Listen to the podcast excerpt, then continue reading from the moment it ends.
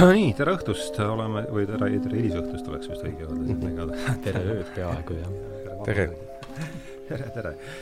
et oleme siis saja kahekümne teise Tähenduse teejuhtide vestlusringiga eetris ja nagu ikka, ka külas kaks külalist, tere tulemast, Andrus Vaarik! tere, tere tulemast, Erkki Pehk, mõlemad esimest korda, eks? seda küll, jah.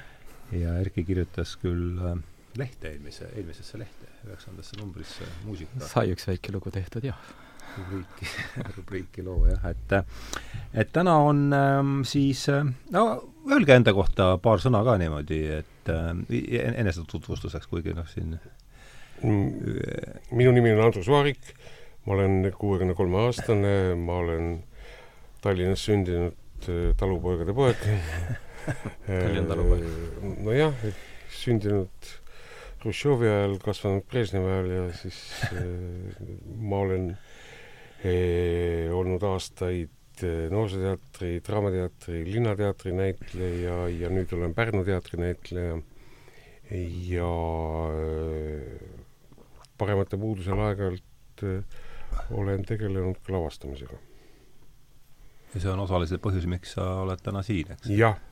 nagu me selles ja. saatepeas sai ka välja öeldud ja ja saate teemaks on meil siis türklane Itaalias ja, ja see on siis äh, Gioacchino Rossini ooper, mida te teete? Kahekesi, et ole hea, Erki, ütle siis mitte kahekesi ikka, peaks ka väga palju Erki, räägi endast ka ilusti. aa, endast, ühesõnaga noh, mina olen Erki Pehk, siis jätkates sinu sellist ette antud listi, siis ma olen viiekümne kolme aastane, et kümme aastat on meile vahet. Siis nagu öeldud, dirigent, aastaid töötanud Rahvusooperis, pärast tudengipõlve.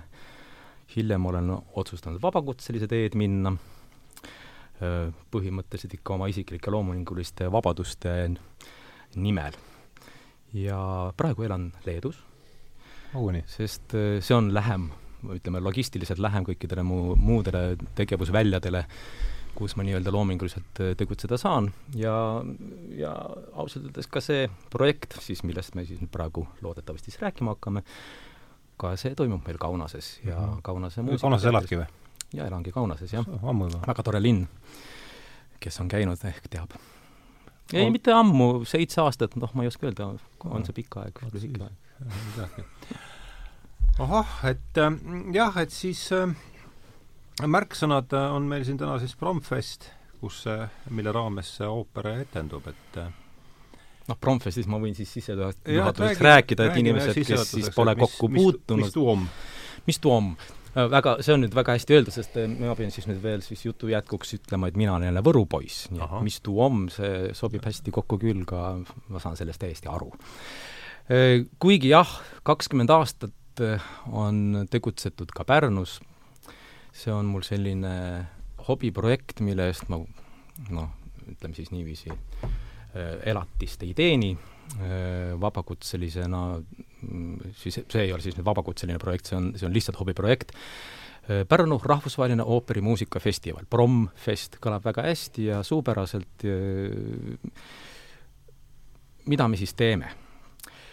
Kunagi, siis täpselt kakskümmend viis aastat tagasi, saab siis aprillis sai kakskümmend viis aastat tagasi, tehti selline konkurss Toomas Kutteri poolt, kohaliku muusika ja, ja tegelase poolt äh, Claudia Taevi legendaarse lauluõpetaja mälestuseks ja see konkurss ütleme siis niiviisi, on nüüd siis vastu pidanud juba kakskümmend viis aastat. Ja, ja noh, konkurss on konkursiks, võiks ju öelda, et konkursse on igasuguseid, aga, aga see konkurss on omamoodi eriline ja tegelikult ka minu andmetel ainulaadne maailmas, sest konkursi parimad saavad endale võimaluse ise nimetada ooperi, mida nad laulda tahaksid. et võitjale anname siis võimaluse öelda, et millist ooperit ta teha tahab ja siis järgmise aasta konkursil äh, siis me selle ooperi talle ka ära lavastame ja kuna see konkurss võtab juba nii-öelda lavastuse mõõdud ja kõik muud niisugused asjad, siis on seda nagu patt lihtsalt ainult konkursiks nimetada, sellepärast see festival ka alguse sai. ja üsna, ühesõnaga, Promfest sündis konkursist, õigemini sellest ideest, et äh, võitja saaks laulda ooperit mm. -hmm. nii et omamoodi täiesti äh, selline noh, niisugune teistsugune festival, sest kui festivalid tavaliselt pannakse kokku mingisugustest programmidest huvitavat, huvitavamatest, siis meie toodame kogu asja ise mm. -hmm. teeme konkursi, laseme seal lauljatel üle maailma tulla ja võita, ja siis produtseerime, produtseerime neile siis ka lavastuse, kõik nii-öelda ise tehtud mm. -hmm. ja ma saan aru, üle kahe aasta oli see, eks? see toimub iga kahe aasta tagant jah, ja õnneks, õnneks meil ei olnud seda festivali koroona-aastal. noh, loodame, et ikka sügisel seda mingisugust kolmandat, neljandat, viiendat lainet ei tule mm. -hmm. ehk siis, siis saame ikka endisesse rütmi jääda. ma saan aru, et see eelmise, eelmise konkursi võitja valis, valis siis türklase Itaalia? jah, milleks tegelikult niiviisi, et konkursil esimest preemiat välja ei antud, et anti kaks teist preemiat ja siis äh, läks natuke, natukene nagu rohkem valikuvõimalusi kohe tekkis, sest meil oli siis üks tore bass ja üks tore sopran ja siis me pidime leidma sellise ooperi, mis mõlemile sobib ja mm. mis ka neile endile sobib ja mida nad ka ise teha tahaksid, sest ah. üle nende iseenda või nende oma arvamuse me ei, me ei saa, sest see on konkursi reglemendis kirjas. et neil on see õigus, nii et me ei saa neile määrata ooperit, nad peavad selle ikkagi lõplikult ise valima. aga selline vahva ooper sai siis valitud oli see keeruline, oli, oli see keer-, oli see pikk uh, protsess? see oli päris pikk protsess oli, ja see võttis ikka paar, paar kuud aega. et me ikka solgutasime mõtteid eh, erinevatest eh, mis sealt veel läbi käisid siis? oi-oi-oi-oi, meil oli seal, no põhimõtteliselt ikka prantsuse ooperid, sest mõlemale lauljale hästi sobib hääleliselt, puhthääleliselt sobivad prantsuse ooperid, aga sellist ooperit, kus peaosas oleks noor bass ja noor sopran, on tegelikult ülivähe hmm ja siinkohal tuligi meile õnneks appi Rossini. ta ei ole ka väga äh, palju mängitud äh, jah, see ooper on tõesti vähe mängitud, ütleme Rossinil on üldse kokku kolmkümmend üheksa ooperit. ja ta kirjutas need kõik siis, kui ta sai kolmekümne aastaseks, siis ta lõpetas ooperite kirjutamise. see ooper on kirjutatud kahekümne kahe aastaselt, kakssada kuus aastat tagasi nii et öö, äh, omamoodi täiesti noh, müstiline helilooja ka selles mm -hmm. suhtes, et äh, oma suurema osa oma elust ta ei kirjutanud mitte kui midagi, äh, sest ta elas oma kuulsuse najal ja dividendidest. dividendist, jah jah ka, kas sina, Andrus, oled esimest korda, oled sa varem olnud Promfestiga seotud või ei ole. see on su esimene debüüt seal, jah? see on jah jah, ma kardan, et ka viimane, aga Promfestil on tavaks kutsuda jah, iga aasta erinev lavastaja, nii et sellest vaatevinklist jah, šansid on sul väikesed, aga mine seda tea, et mm. kuna etteruttavalt võin öelda, et koostöö meil väga hästi klapib siis no ja, äh, kes ei, teab, kes teab, kes teab, mis elu, elu toob. jah, jah, jah, kui sina oled kaheksakümmend ja mina üheksakümmend, siis võib-olla tõesti, sest äh, saame uuesti kokku, sest no, ega Eestis neid lavastajaid eriti ei, ei ole ausalt öelda, meil on väga hea näitlejakool ja Panso pani ikka sellise vundamendi maha Moskvast tulles, et äh, näitlejakool on meil tõesti väga hea. Ja see on minu meelest ime, et et nii väike ja vaene rahvas on jõudnud seda ülal pidada, sest noh, seal koolis on õppejõude kaks korda rohkem kui õpilasi mm. palgal, ta on noh, nii spetsiifiline eh, haridus, aga nii rikkad me ei ole, et eh, me suudaks eh, sellist järjepidevat lavastajaõpet eh, ülal pidada ja, ja tänu sellele meil selliseid tõeliselt äh, suuri lavastajaid suure L-tähega on mm -hmm. ikkagi ühe või noh, pooleteise käe sõrmedel üles lugeda ja, ja sellepärast minusugused võivadki käia perest peresse ja ajada vorsti käesse, et, et äh, väga paljud näitlejad lihtsalt jah, paremate puudusel on, on, on sunnitud lavastama, jah on see suur hüpe näitlejast äh, lavastajaks? on küll e,. Tegelikult e, need on kaks põhimõtteliselt erinevat inimtüüpi e,. näitleja peab olema orja mentaliteediga, ta on interpreet, ta on alluv.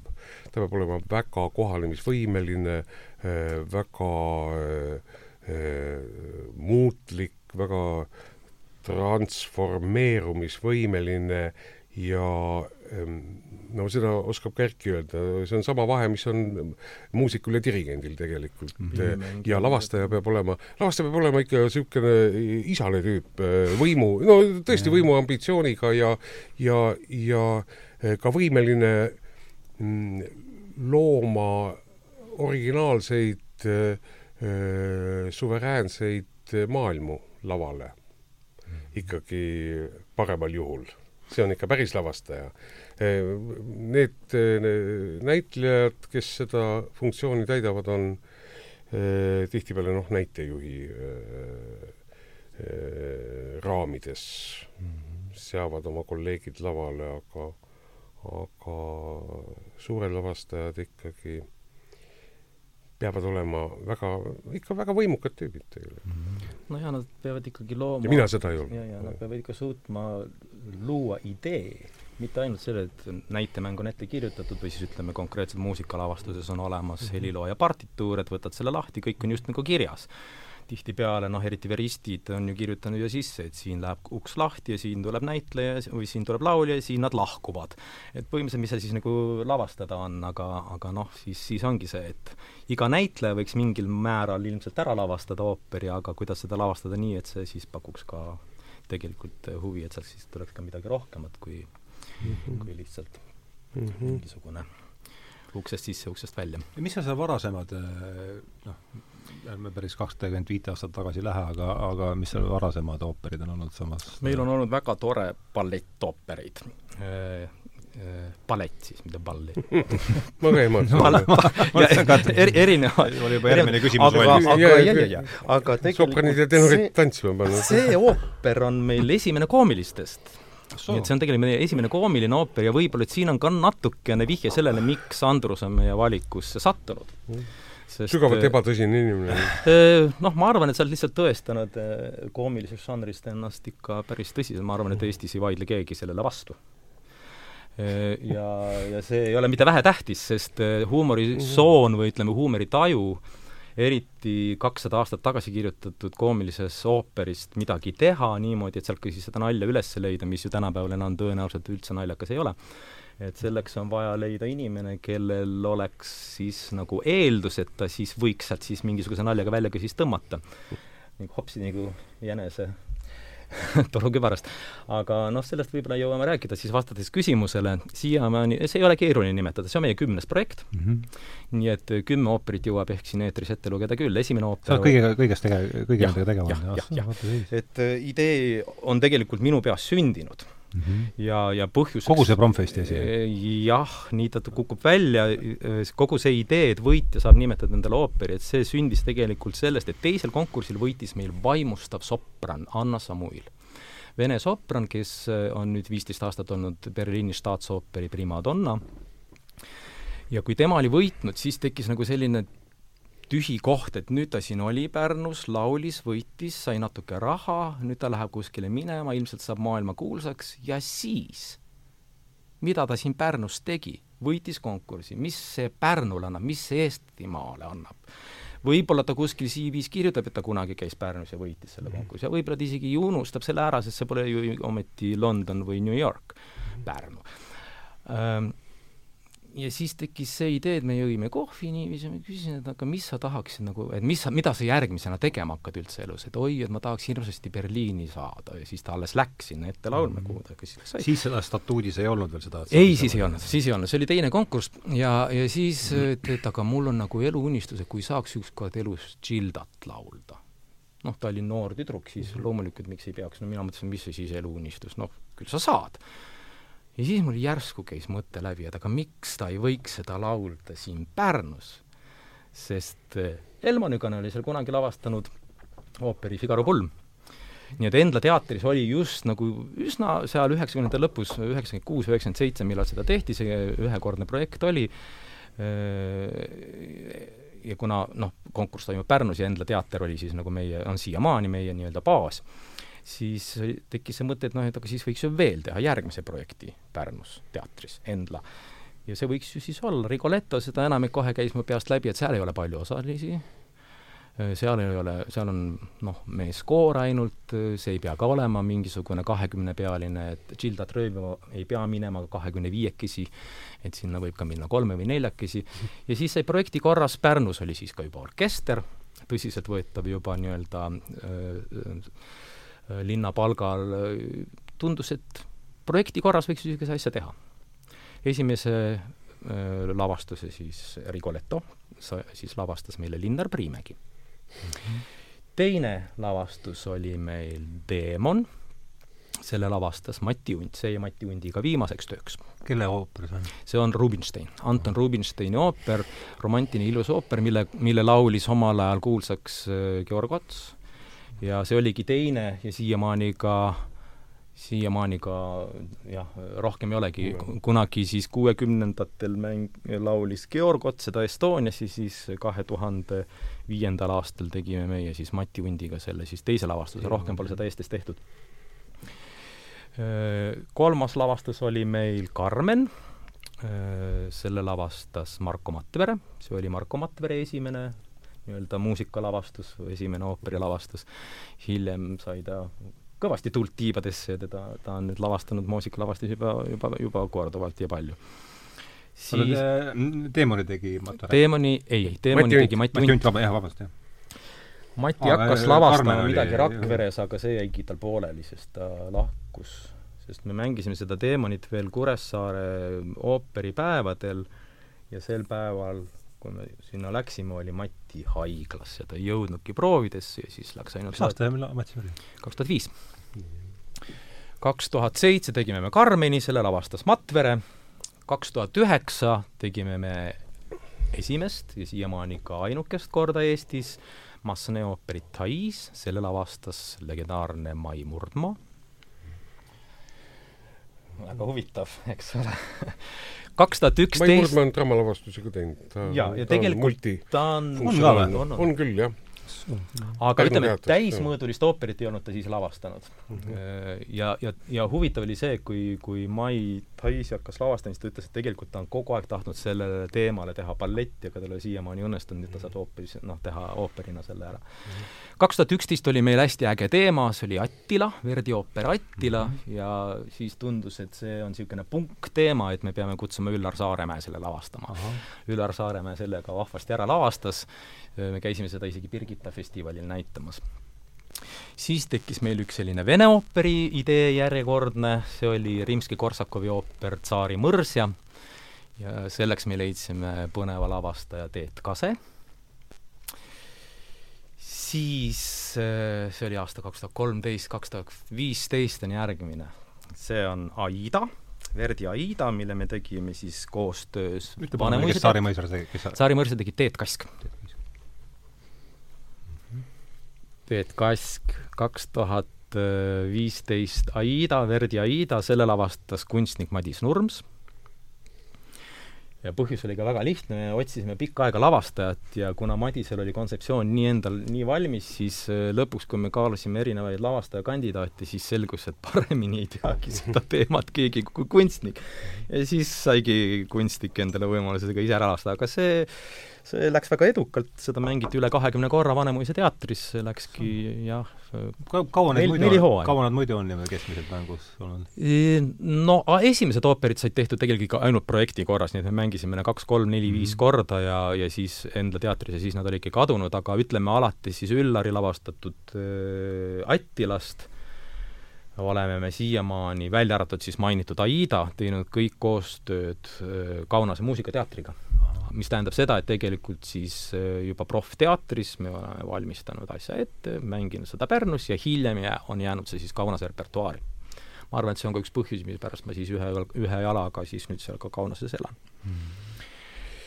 ja pärast Aidat tuli siis meil kaheksas, eks ole. see oli kaheksas, seitsmeteistkümnendal aastal La Traviata, milleks me siis kutsusime lavastama Andruse kolleegi Anu Lambi kes siis oma äh, hea kolleegi, noore kolleegi äh, Ingmar Jõelaga siis lavastasid selle väga vahvasti ära äh,.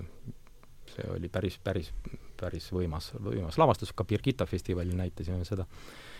ja siis viimane, eelviimane siis, nüüd siis viimane on ikkagi see, mis meil praegu käsil on. see eelviimane projekt oli Capuletid ja Montekid, Bellini ooper, mille lavastas Katrin Tegova. siis öö, filmi, filmiprodutsent ja lavastaja mm. -hmm. Katrin, issand, nüüd mul ei tulegi meelde Katrini eelmine nimi näed siin, Katrin Tegova, Katrin Tegova on ta nüüd, aga jumal, kuidas ma ei saa nüüd Katrin kas see Katrin Kissa ei olnud või? ei, ei, ei, koos, koos oma abikaasaga nad tegid filme uh,. jumal. Täitsa lollakas. ma loodan, et see ei lähe eetrisse. see ongi Alžeimer light, ma no ei suuda, ei suuda, vot. no pole hullu, tuleb hiljem meelde. viiekümne kolm, viiekümne kolmeselt juba hakkab, hakkab ei ole võimalik, no see on täielik, praegu täielik auk, joh, ei tea oma abikaasaga koos tegid filme, noh. ei tea. teate küll, kindlasti teate, sada protsenti teate. jumal, kõik Eesti filmipreemiad said. Las ta praegu olla, tuleb pärast meelde. ei, ei, ära su-, ära punnita.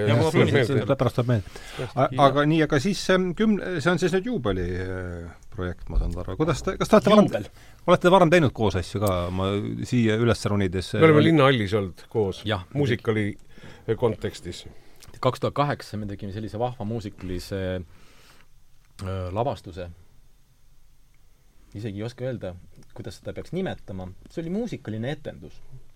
Ta ei saanud pretendeerida ei ooperile ega ka muusikalile, ta oli ikkagi selline paras, ütleme, kvaliteetne jant no jaa, ikka kultuurne kultuurne meelelahutus. kultuurne meelelahutus ja äh, selle libreto autor oli Urmas Vadi, kes on väga peenkirjanik ja, ja väga vaimustav. muusikana oli kasutatud lihtsalt kõike, mida Georg Ots omal ajal laulis, selle nimi oligi Georg ja aa ah, jah, seesama, sellest ja mul oli au jah, seda, seda lavastada ja Hruštšovi seal mängida. ja Hruštšovi mängida. ei, see oli, aga see oli mu enda idee ka tegelikult, see oli ka, ma kiidan ka ennast. see oli, sest äkki ma ma rääkisin seda Mikk Purele ja, ja Anne Veesaarele, kes tollal seda äh, muusikaliäri siin Linnahallis produtseerisid, et võiks teha ja siis ma läksin, ma ei mäleta, mis etenduse ajal see oli, läksin garderoobi Matveri juurde ja küsisin, kas sa tahaksid Georg Otsa äh, mängida ja ta ei mõelnud, ta ei kõhelnud, ta, ei jaa, ta ütles ah. jaa ah,. Okay. ja ta laulis absoluutselt puhta otsatämbriga mingi laulu otsa repertuaarist. et ta on selle peale ammu mõelnud, et ta tahaks Georg Otsa mängida. nii et eh, me mõtlesime, et tema moosimise peale läheb väga palju aega, aga ei läinud ruttu ja, ja Vadi kirjutas geniaalse stsenaariumi. kas ta saab nagu, on seda see on olemas DVD-na ja tegelikult seda ja, saab ka ERR-i arhiivis täiesti vaadata, kui sisse toksida, siis see on täiesti ERR-is olemas. Mm -hmm. soovitab täitsa, soovitan täitsa vaadata. ta ei ole hästi üles võetud eriti, sest seal ei ole nagu publiku reaktsioone ja ja esimene pool tundi on kaameratöö ka täiesti juhuslik, aga, aga, aga pärastpoole nad nagu koguvad ennast ja saavad aru, mis see on, see on aga sa, sa olid siis dirigent seal ja, ja.? jah, muusikaliteatriga sai aastast üheksakümmend kaheksa koostööd tehtud, tehtud jah, praktiliselt üle kümne aasta või kümmekond aastat kohe kindlasti, seal sai iga aasta tehtud neid suuri muusikale Linnahallis.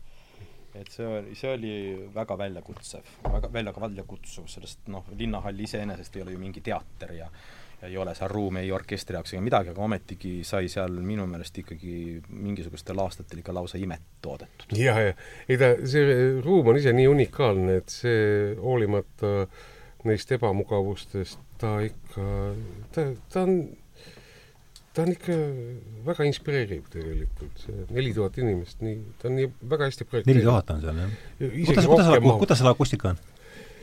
Seal äh, tuleb võimendada kõiki no, hääli, aga, aga ma tean seda, et kuna ta ehitati aastal kaheksakümmend äh, olümpiaks kiiresti, kiiresti, kiiresti, äh, siis akustikud planeerisid sinna ka loomulikku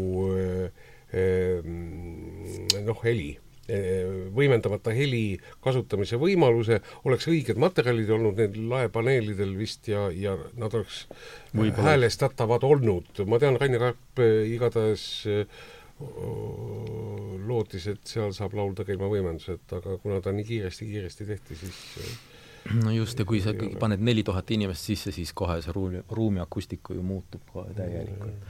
et tühjas, tühjas saalis seal isegi nagu natuke kõlab, jah.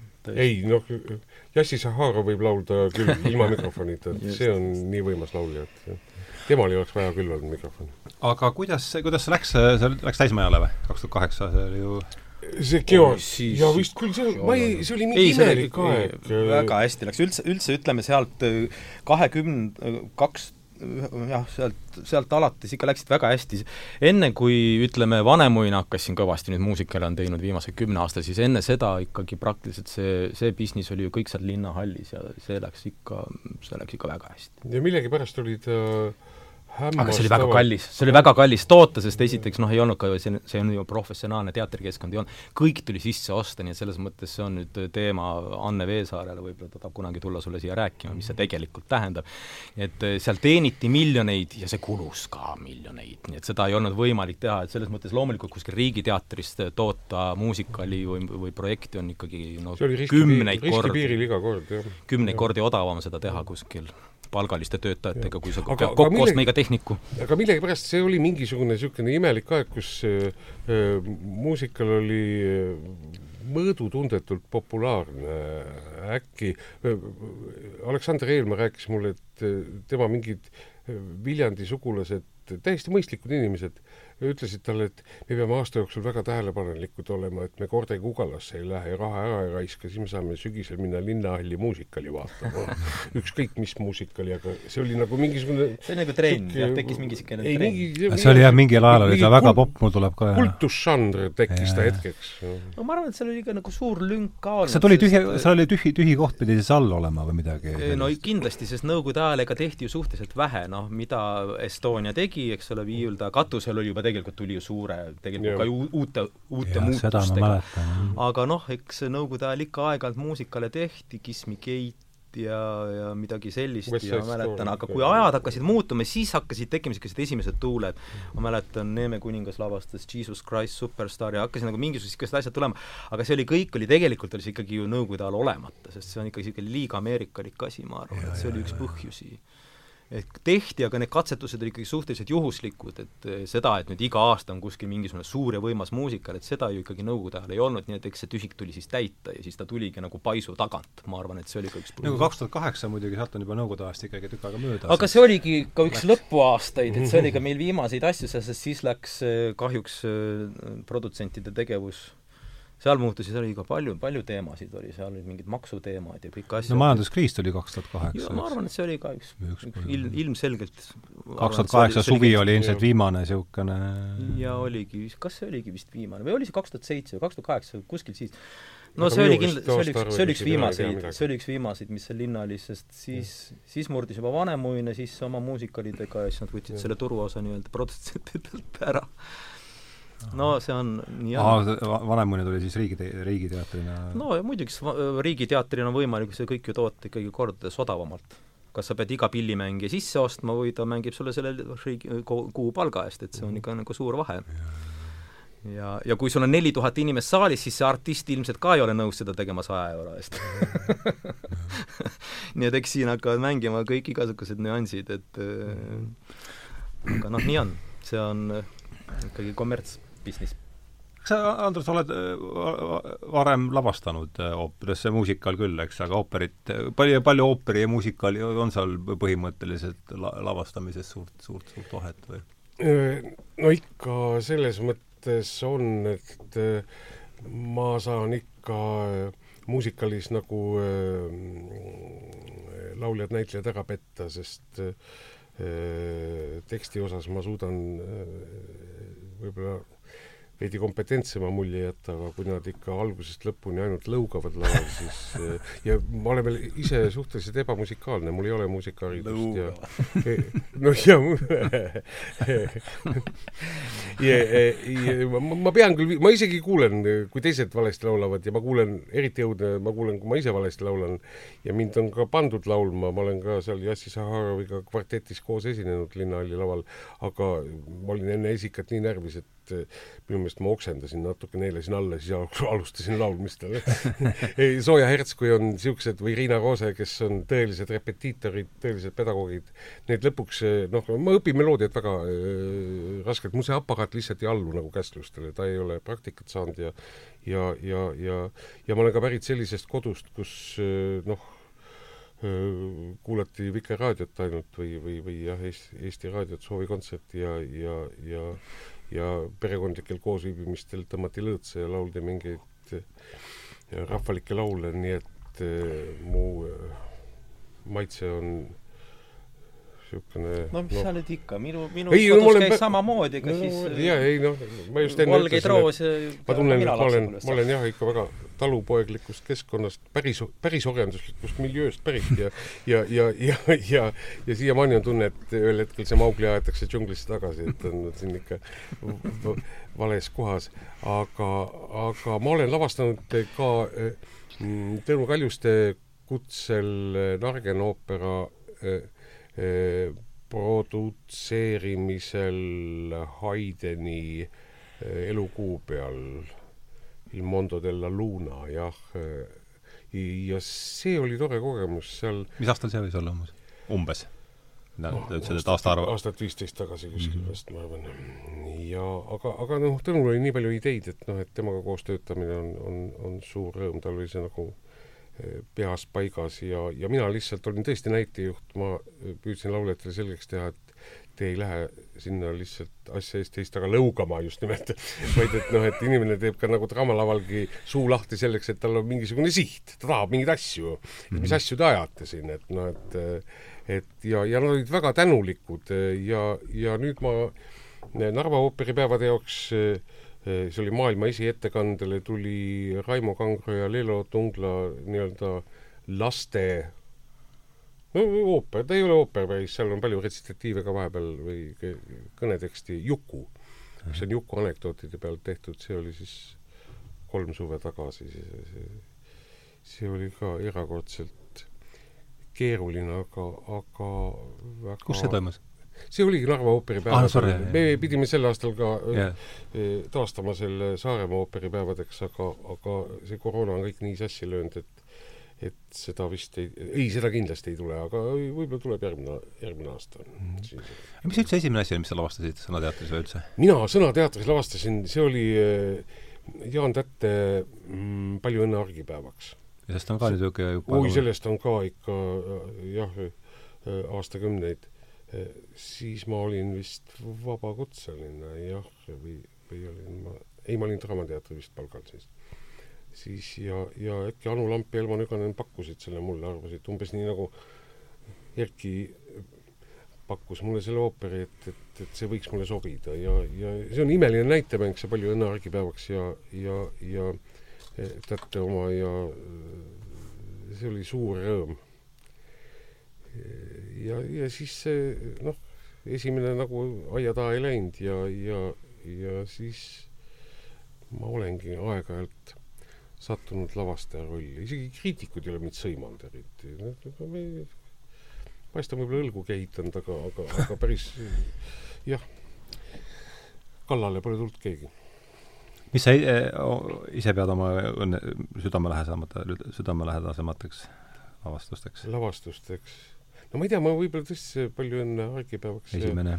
ja esimene ja ja no ma olen väga palju teinud situatsioonikomöödiaid siin äh, Kuunisid suveetendusteks.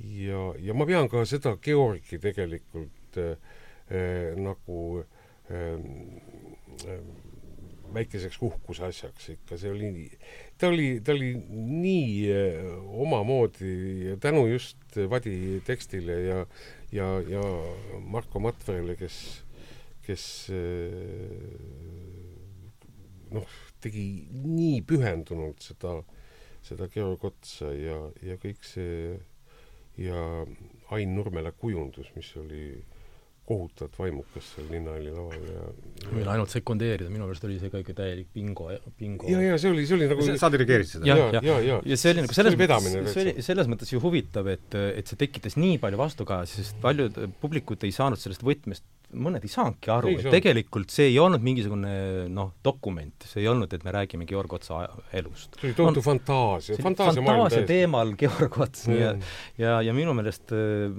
Andrus tegi selle lihtsalt nagu väga vahvasti ära. Muidugi Vadi, Vadi taust või see no Vadi tekst, Vadi tekst oli, oli noh, Vadi, noh, ma mäletan, kui ma võtsin selle tekstiraamatu lahti, see esimene lause oli et Moskva rong kihutas täiel hool läbi Estonia teatri seina otse lavale. otse lavale, kus ja, Georg Ots laulis. ja, ja, ja niisugune algus, ja, ja. Georg Ots laulis. ja, ja seal ma olin ka tegelikult ikkagi, ma olin interpreet ka, ma ei olnud nii-öelda lavastaja, sest tekst oli niivõrd tugev, ma pidin selle lihtsalt lavale seadma. mingit jah, niisugust unikaalset maailma ma ei pidanud looma, selle töö oli Vadi ära teinud juba no ooperitega nii lihtne ei ole, sest ooperid on võib-olla natukese universaalsemad ja, ja selleks, et nüüd teha üks väga hea ooperilavastus, peab ikkagi olema väga hea lavastaja, kellel on väga hea nägemus asjast. ja see oli üks põhjus, et tegelikult ei nõustunud äh, Andrus üldsegi mitte esimese korraga.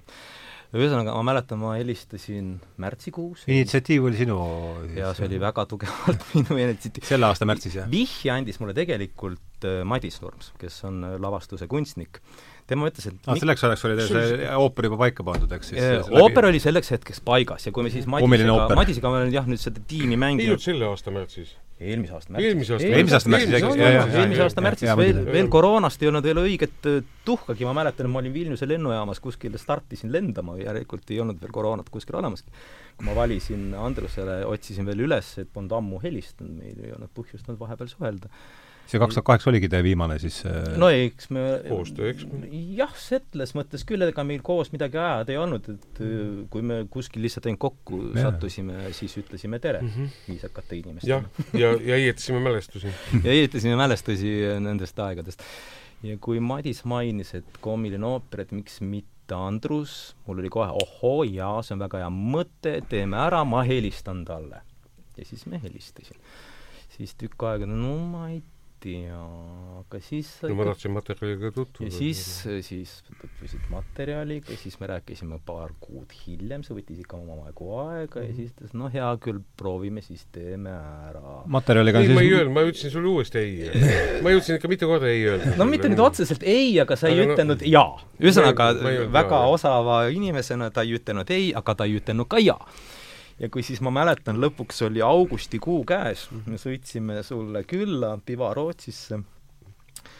Ja siis äh, siis oli ikka mul oli selline, kui Tallinnast välja sõitsin autoga, siis mul oli täpselt selline tunne, ma tean, et ta ütleb ei. jah ja ma olingi valmis ei ütlema. ja mul oli täpselt selline tunne ja ma sõidan pool, ja poolel teel kuskil seal, mis po-, ei, see oli juba üsna, üsna siis Pivarotsi lähedal seal selles mm, Lihula, Lihula tauk-, Lihula tanklas, järsku mul tuleb mingisugune selline tunne.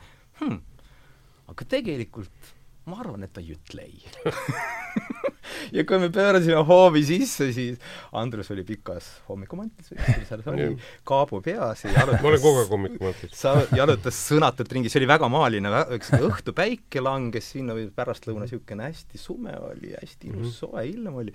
augusti täiesti, jaa, niisugune augusti õhtu ja mul on lihtsalt see siiamaani pilt mm. selme ees maaliline ja ja käis seal ringi natukene nagu niisugune suur kingpool see kiba, kübar oli see mingi kübar selline? jaa ja., kaabu. aga niisugune nagu tere, poisid, ja ka siis nagu ka niiviisi mitte väga kontaktselt lõpetas seal oma tegevust. Ja ma mõtlesin, et väga mõtlikult. Siis ma mõtlesin, mis see siis nüüd on, et nüüd ta nüüd viisaka inimesena ei tea, kuidas ei öelda, noh, et ei taha nagu tulla, et poisid, et kuule, et ma ikka seda ei tee, et sõitke nüüd minema et ilmselt otsib sõnu, aga noh, pedaali ma ei vajutanud, ootasin siis selle hetke ära, millal siis Andrus siis ise suu lahti teeb ja siis ta ütles midagi sellist, et aga teate, kui teeks. jaa, ma ütlesin, et teate, ma, ma olin sulle kindlalt ei ütlemas, aga mul pool tundi tagasi tuli idee.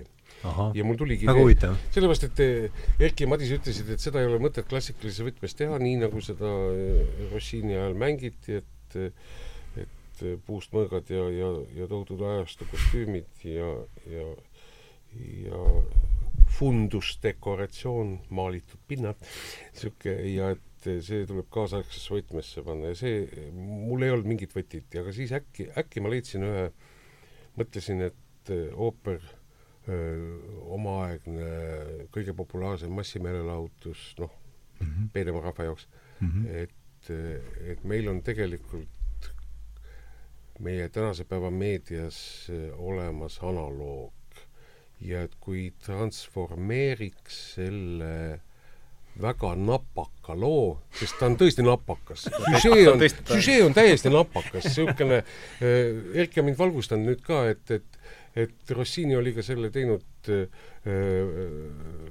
parodeerimaks äh, noh, Mozartit ja ilmselt Haydnit. Mozart, ei noh, Mozartit ja omaaegseid belcantomeistreid ikka, Bellinit ja Donizettit, et ta oli kaasaegne ja tegelikult ta ikka keeras nagu kruvi üle. natukese tsiteerides neid ja visates nende üle nalja. ja, ja, ja see süžee on, see on, see on sügavalt jabur, see on noh, ja siis ma leidsin, et, et kui kui see kõik toimuks eh, reality show võtteplatsil mm, -hmm. kus mhm. inimesi sunnitakse väga napakatesse dramaatilistesse situatsioonidesse, et saaks häid eh, kaadrid, materjali eh, selle võika žanri jaoks, mida üks reality show on, niisugune Rannamaja või, või, või, või ma ei tea, Poissmees või ma ei tea, mis need on, mis meil, meil on siin endalgi olnud mingid Robinsonid ja, ja mingid siuksed. Ja, ja et, et ja siis, kui ma selle pilguga nagu lappasin selle äh, stsenaariumi läbi selle poole tunni jooksul, enne kui nad tulid, siis ma vaatasin, see töötab igal hetkel peaaegu, aga ja see tuligi see viimasel hetkel siis? viimasel hetkel, täiesti ja, viimasel hetkel ma olin kindlalt ei ütlemas ja ja ma, ma ei eh, taibanud siis veel seda, mis mahuga see töö on, et ma pean tegelikult kirjutama öö, eh, uue loo. Sest ma pean need suhted kõik äh, läbi mõtlema ja, ja, ja et nende, nende toim... tegutsemismotiivid on hoopis teised tegelikult, seal on, aga seal on üks hea asi, seal on üks kandev tegelane, läbiv äh, äh, see on tenor või bariton, kumb see on? bariton, isegi seda ma ei tea, poeet, kelle, kes otsib nagu ooperi süžeed, kes otsib nagu äh, ideesid äh,, kuidas teha ooperit ja äh, ja nii palju, kui ma Youtube'ist vaatasin neid videosid, siis on tõesti jah, loomingu pinnandes poeet käib aga ringi ja, ja otsib, millega rahvast lõbustada ja erutada, erutada ja see oli täpselt niisugune produtsent, saatejuht reality show'l, kes äh, mõtleb välja ja, ja, ja nüüd me oleme teinud proove ligi kuu aega peaaegu vist ja. jah, siis ja, ja, ja ja kõik see, annab. see klapib igas, igas hetkes, vähemalt kui hetkel ei leia lahendust, siis ülehomseks ikkagi ma mõtlen välja jälle, et see on, see on hämmastav, kuidas jah, ta üks selline žanr transformeerus teiseks ja, ja näitlejatel või lauljatel ka silmad säravad mm -hmm. ja, ja, ja, ja, ja kogu abipersonal ka vaatab mind niisuguse näoga, et mul võibki jääda mulje, et ma olen lavastel oota, sa kirjutasid libreto siis ümber siis või? ei, ma ei kirjutanud, me, me oleme kokku leppinud eh, Erkiga ja et Üht me nooti, ei tee mitte ühte nooti, mitte ühte sõna ka ei muuda. ei muuda, ei muuda, et me ei tee liiga Rossiinile mitte mingil juhul, sellepärast et eh, isegi ümber ei tõsta. see, see dramatism, see, see melodramatism, mis seal sees on, see sobib väga hästi tegelikult reality show'sse ja, ja raam, raam on teine ja lihtsalt no ta on, olustik on teine mm. -hmm jah, jah, olme on teine nii-öelda, aga, aga kehtib, meil on veel aega, ütleme, kolm nädalat proove teha, kui me tagasi läheme Kaunasesse augusti keskel ja, ja, ja see vormistamine saab olema suur rõõm, ma arvan raske küll, aga suur rõõm. kus need proovid üldse toimuvad, Kaunases? Kaunases jah, Kaunase muusikateatris toimub. kuidas see Kaunase vahel liikumine üldse praegu on? No eks ta on keeruline, keeruline, aga liigelda saab, ikka tuleb kõvasti neid koroonateste teha.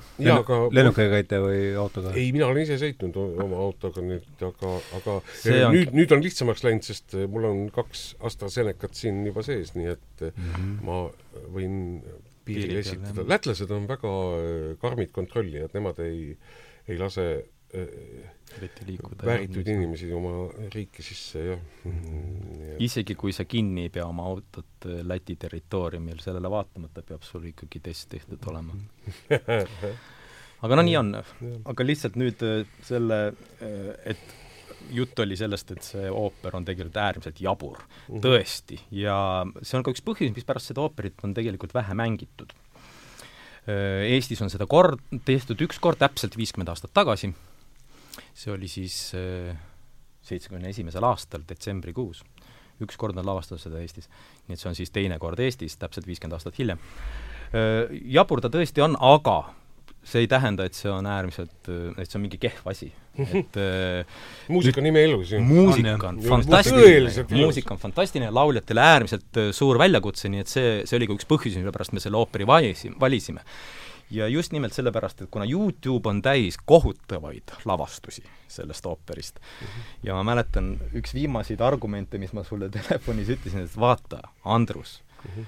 sellepärast ma tahangi, et sina lavastaksid, et ma ei taha, et see tuleks mingi järjekordne asi, mida me Youtube'is vaatame, mõtleme, et no on ikka igav asi. no ja, ja see on mu äh, tööga nii kohutavalt raskeks teinud, sest ma olen äh, aastate jooksul aru saanud, et kultuur on tsiteerimine ja tegelikult teatrikunstis plagiaadi mõistet on väga raske kohaldada, aga mul mm. ei ole olnud ka kuskilt midagi varastada ei ole kuskilt varastada. sest, sest need lavastused on kõik, ma näen, kuidas lavastamine on hädas olnud lauljad laulavad ilusti ja püüavad teeselda, et nad teavad, mis nad teevad, aga see on, see on äärmiselt lapsik, see süžee, jah.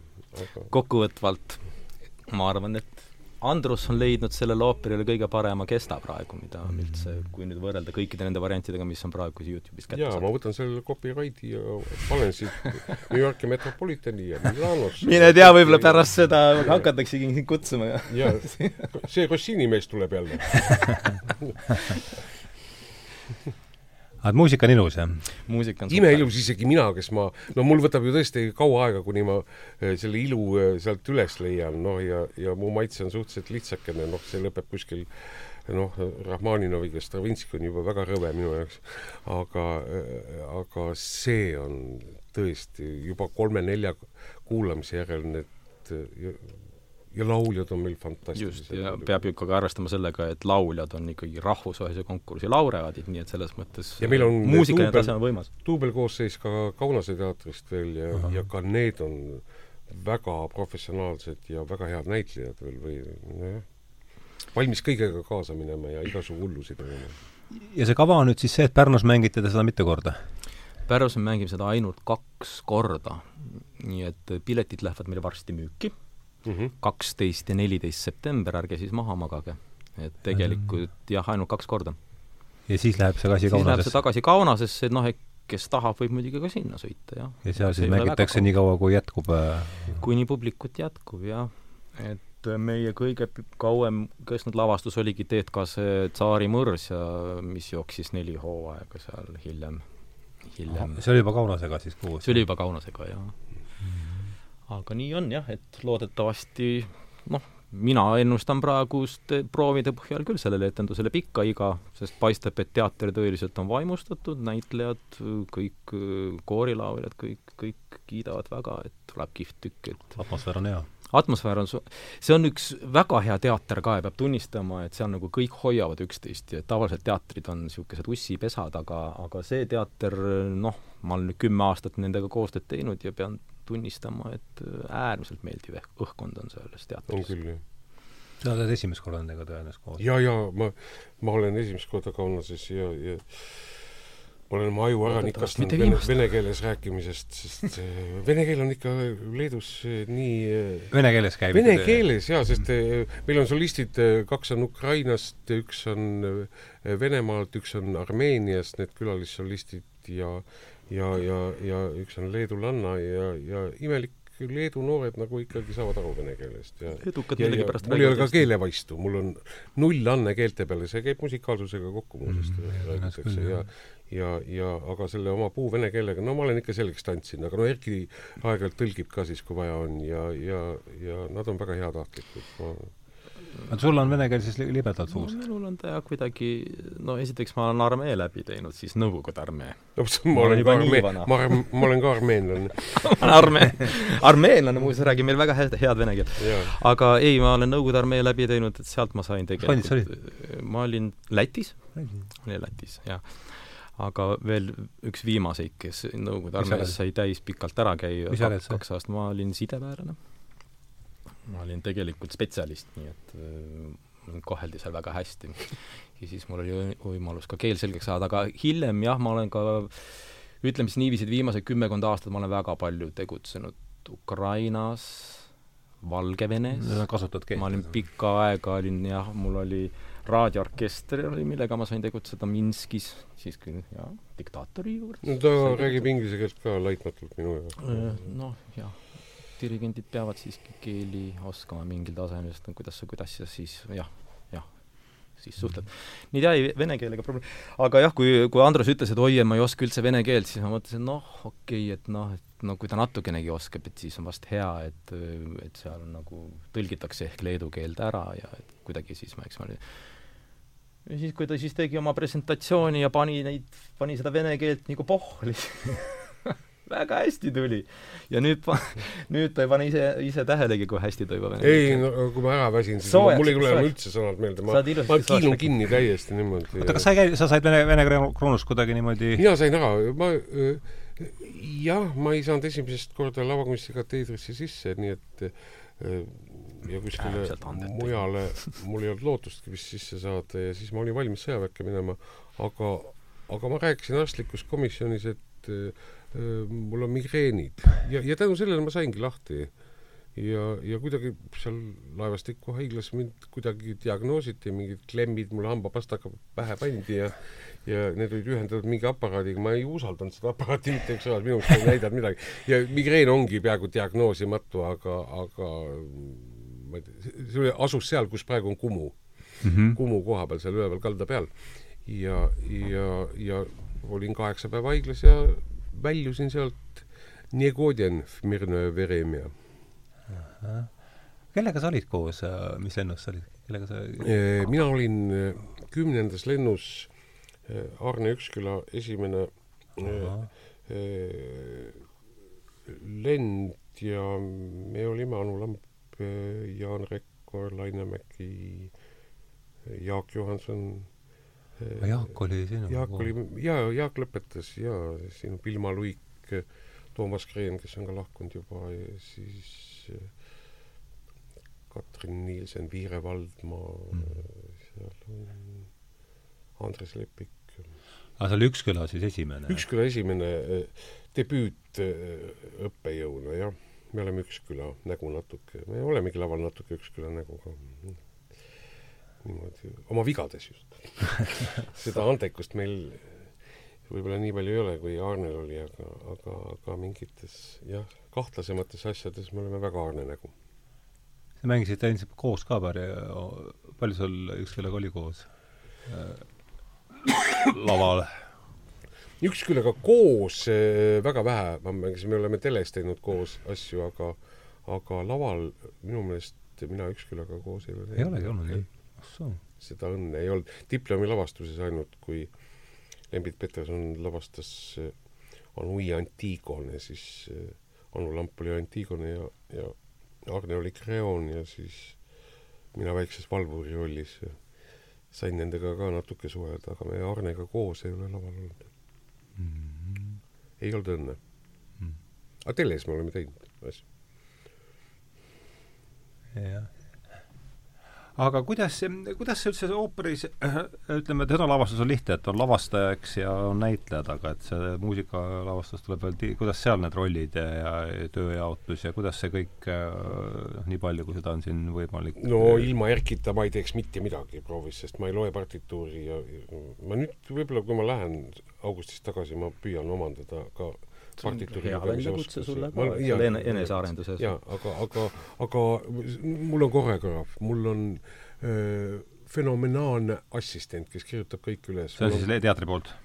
Kaunase teatri poolt, seal on koormeister, kes paneb kõik kirja, mis ma koori jaoks välja olen mõelnud ja siis on seal Madis Nurms, kunstnik, kes jälgib väga täpselt, kas see on võimalik selles lavakujunduses ja peamiselt Erki just, kes valdab materjali niivõrd hästi, et noh, et et kui mul mingi probleem on, siis ma saan alati tema poole pöörduda ma arvan, et üks edukas äh, lavastus peabki olema selline, kus tegelikult juba aegsasti nii lavastaja kui dirigent ja kunstnik ja ka koreograaf ja tegelikult ideaalis saavad juba varem kokku ja mõtlevad kõik nii läbi, et kui nad proovidesse lähevad, siis nad kõik mõtlevad ja hingavad ühtemoodi. tihtipeale, ütleme, sellises klassikalises äh, muusikateatris ongi need, et, äh, et igaüks traageldab oma asja valmis ja siis pannakse kokku ja siis mm. kipub olema nii, et seal supis ei pruugi need komponendid just kõige paremini olla, et mm. sest see mõtlemine on olnud erinev e,. Aga ma olen nende, just nende kümne lavastusega nüüd sellest aru saanud, et mida varem lavastaja ja dirigent mõtlevad ühtemoodi või vähemalt koos. või vähemalt koos, jah ja., et siis, siis seda valutum on see protsess ja seda, seda parem tulemus lõpuks tuleb ja Andrusega on olnud tõesti siiamaani ainult lust koos töötada, sellest eelmise aasta augusti sumedast hmm. tööst alates, kui ta selle idee välja käis, mul oli järgmisel sekundil selge, et see töötab mm. -hmm. sest ma tõesti, ma teadsin seda lugu ja ma teadsin, kui jabur ta on. ja ma teadsin seda, mis on selle nii-öelda dramaturgilised nõrgad kohad mhm.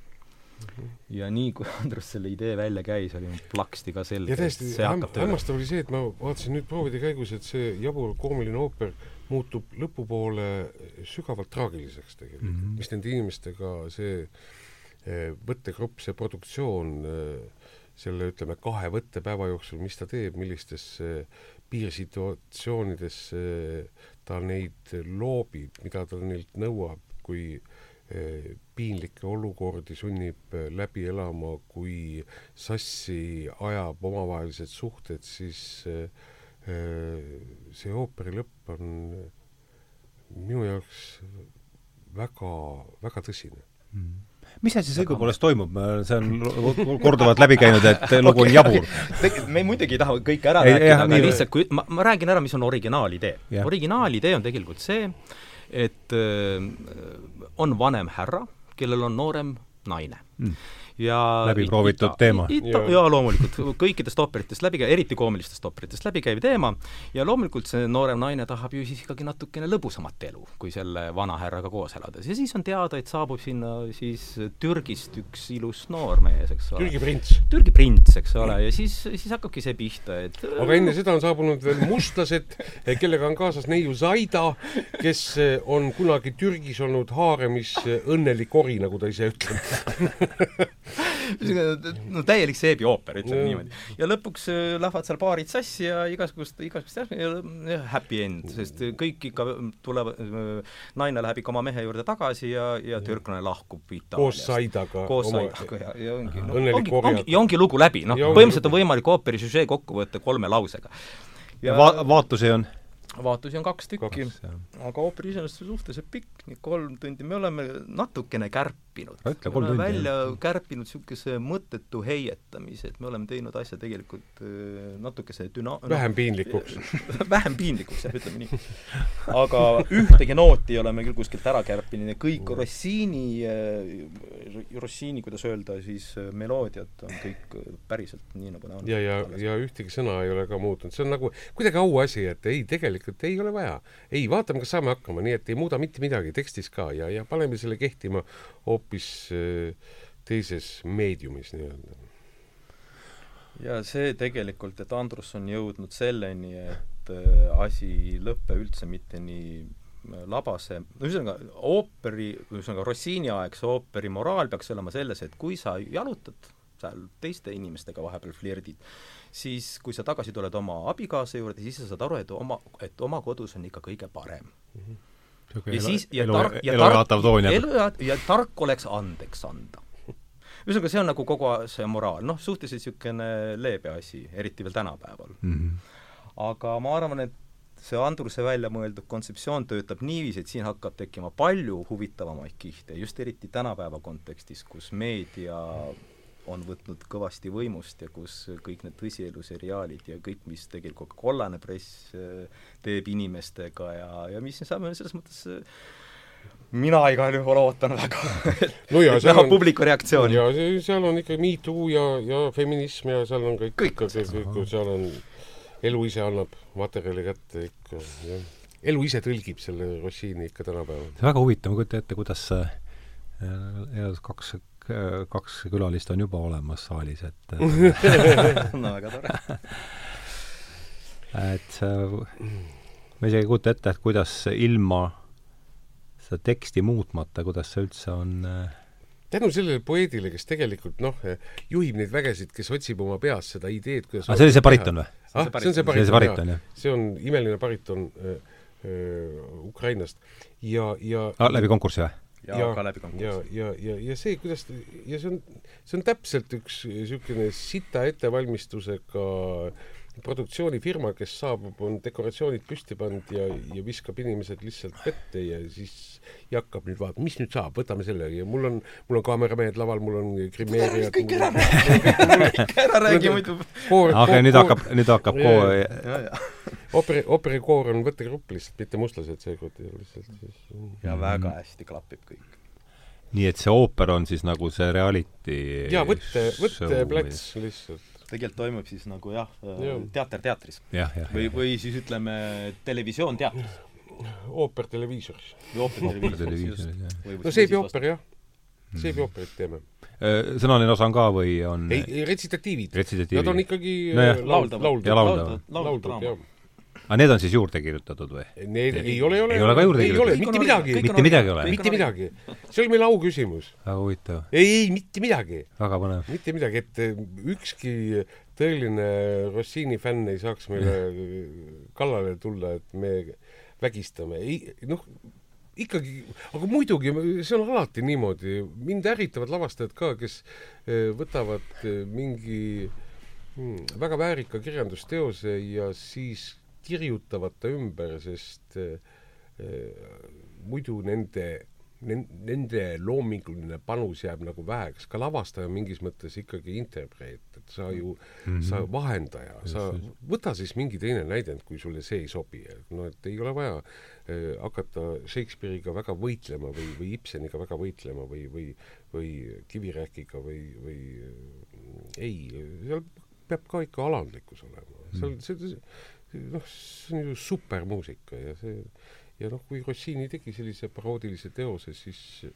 väga napaka süžeega, siis no mina ise vaatame, püüame, püüame selle, püüame selle muusika nii äh, kadudeta kohale viia ja, ja, ja leiame talle mingi niisuguse võtme, et, et äh, ka ütleme, mitte nii väga Rossini fännid äh, ei lahku saalist pahasena no ma usun küll, et kellelgi ei ole, kui kellelgi ei ole varem mingisugust ooperi, tõsist ooperikogemust varem olnud, siis äh, ma täitsa usun, et see, see võiks olla küll nüüd see lavastus, kus, kus tekiks mingisugune huvi mhm. tõsiselt ooperi vastu hmm. aga minu, minu huvi ooperi vastu tegelikult sai, sai alguse, kui ma vaatasin Sefirelli Traviatat, äh, Placido Domingo ja Teresa Stratasega kunagi pioneerikinos Viru tänaval. kes oli seal lavastaja? Zeffirelli, Franco Zeffirelli, ta tegi väga palju ooperifilme ja, ja, ja nad olid imeline paar. ja Placido Domingo ja, ja, ja Teresa Stratas ta on Estoniagi laval laulnud. oli Traviata? Traviata ja, ja, ja, ja, ja äkki ma sain aru, et tõesti see on see, see see muusika ei sega, vaid annab juurde sellele loole, ta on, ta on, see Firelli on jah, super, super lavastaja. ja Domingo. ma arvan, et kui Rossini praegu elaks ja satuks, ma arvan, et ta kirjutaks alla küll see, sest lihtsalt noh, aeg on edasi läinud. Ja ma arvan, et tegelikult tolles ajas kirjutas tagi sellise jandi peale muusika, ilmselt selle süžeele, sest tol ajal no, noh, see oligi nii siis oli see meelelahutus. tänapäeval on teistsugune ja ma arvan, et oleks väga, väga noh, ühesõnaga me astuksime kindlasti ämbrisse, kui me hakkaksime tegema autentset äh, draamat või noh, mhm. autentset äh, ooperilavastust selle. ja ma arvan küll, et Rossinile väga meeldiks praegune lähenemine.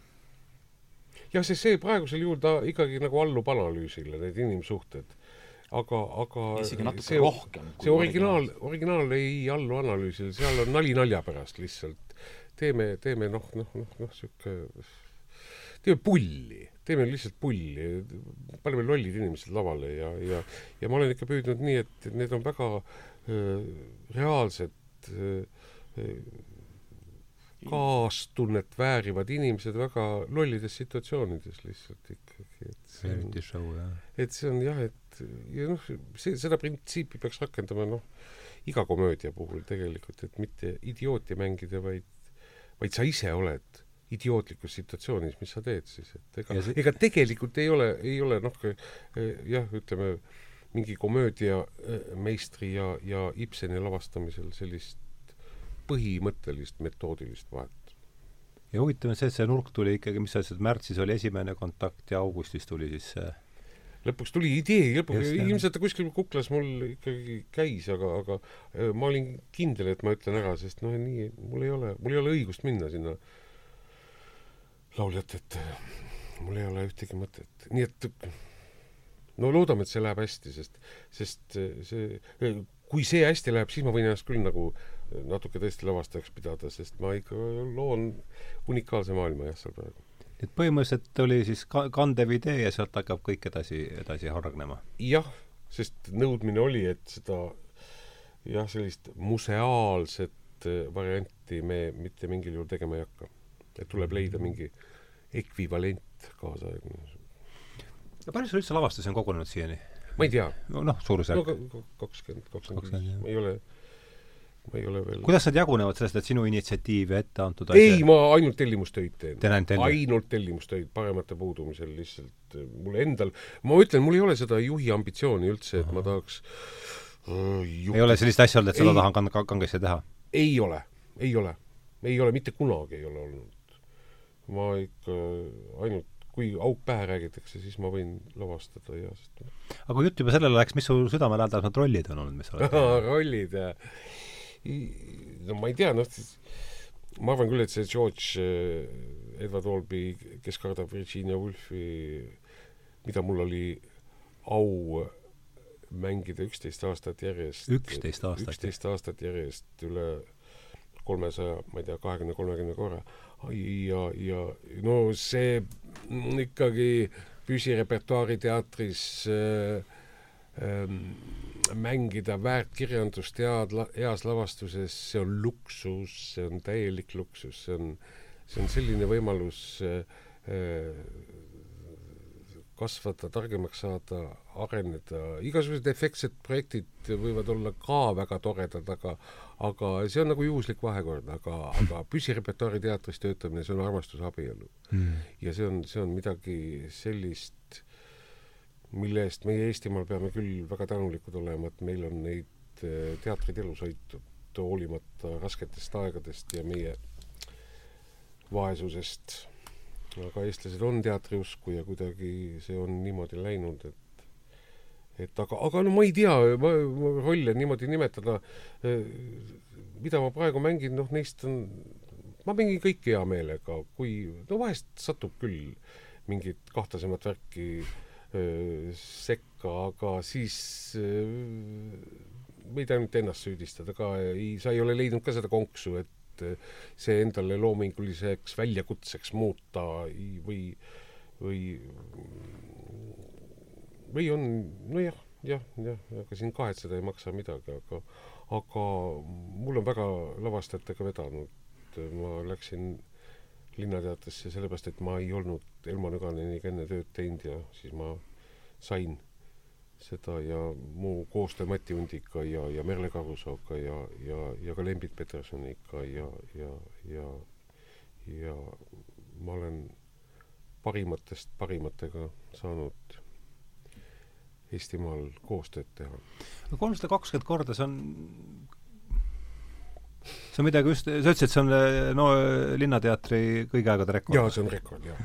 on draamas, Eesti matus jookseb vist ka päris niimoodi?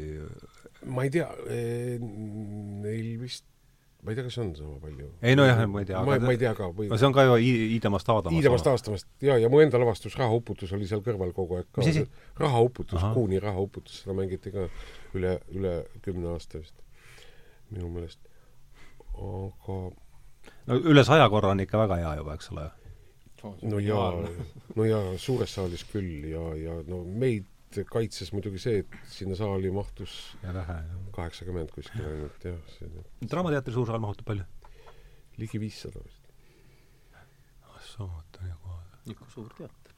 ja, ja Pärnusse läheb palju? Pärnusse läheb Te teete Pärnu, Pärnu teatrist teete? me teeme Pärnu teatris, sinna läheb viissada viiskümmend või viissada viiskümmend, viissada ja see on tohutu suur edu, jah. ja, ja, ja, ja Pärnu teater on viisakas. muuseas, Pärnu teatri kiituseks peab ütlema, et seal on väga hea akustika. et muusikateatrit saab seal väga hästi teha. et äh, väga hästi kostab mm. -hmm. mingisuguste nurkade all tekib nagu natukene naljakas tagasilöök selline, aga tegelikult äh, orkester läheb äh, solistidega väga hästi balanssi, nii et tegelikult omavahel öeldes natuke siis ikka parem akustika kui Estonias mm. -hmm. Alex, mul tuleb praegu meelde, jah, vot mulle vahepeal viskas meelest ära, ma mõtlesin ausalt öeldes kutsuda su saatesse juba uh, mis teemal, minusugune ja arva ära, arva, arva ära ühest sinu peaosast.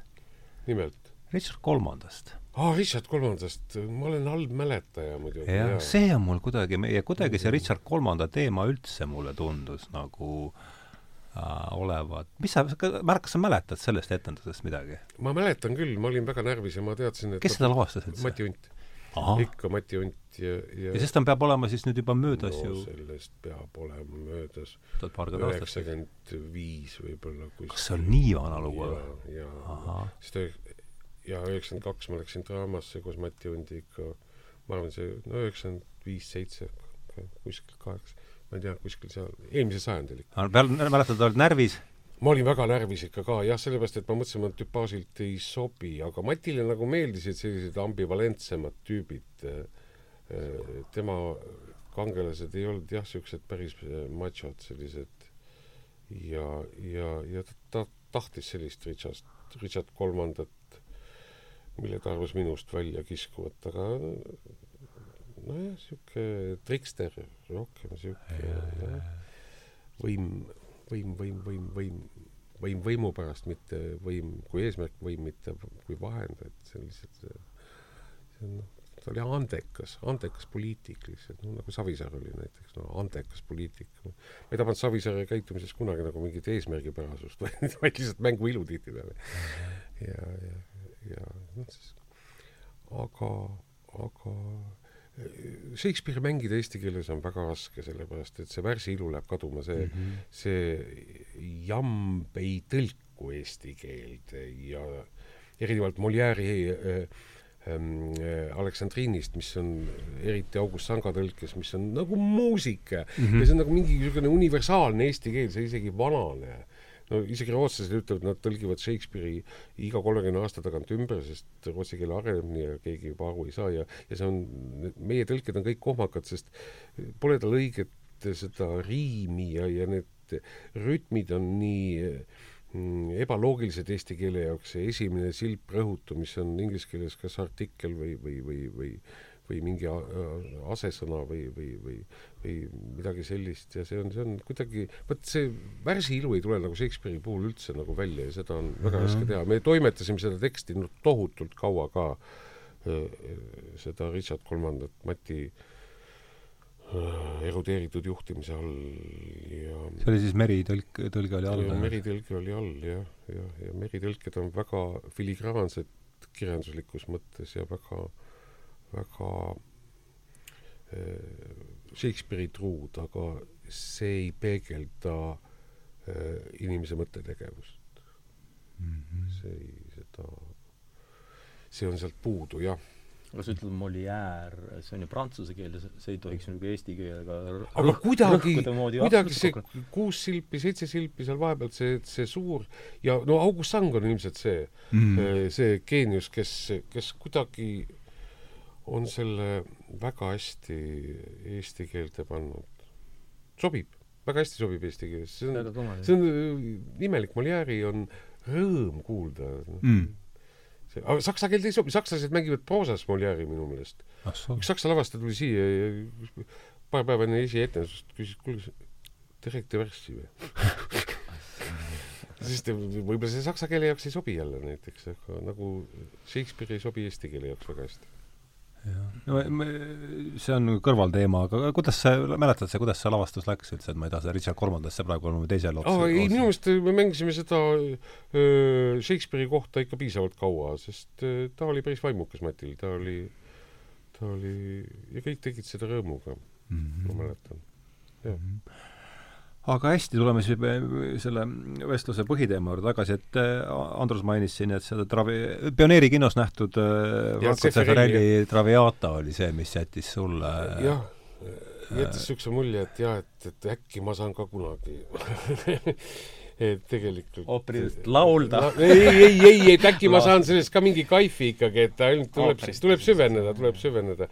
ma nägin viimast, viimast Traviatat ma nägin äh, New Yorgi Metropolitani laval, mis oli see kuulus lavastus, mis oli nüüd Trepko peale tehtud Salzburgi festivalil vist, ja laval oli jälle Placido Domingo. ah, sa nägid elusast peast seda? ja ma nägin elusast peast, aga ta nüüd ei laulis Chermonti juba, sest ta on juba nii-öelda bassi, bassiks peaaegu muutunud no, oma häälematerjali poolest ja no, ja noh, elav legend ikkagi, Placido Domingo oli ise laval jah, jah ja see, see oli super elamus.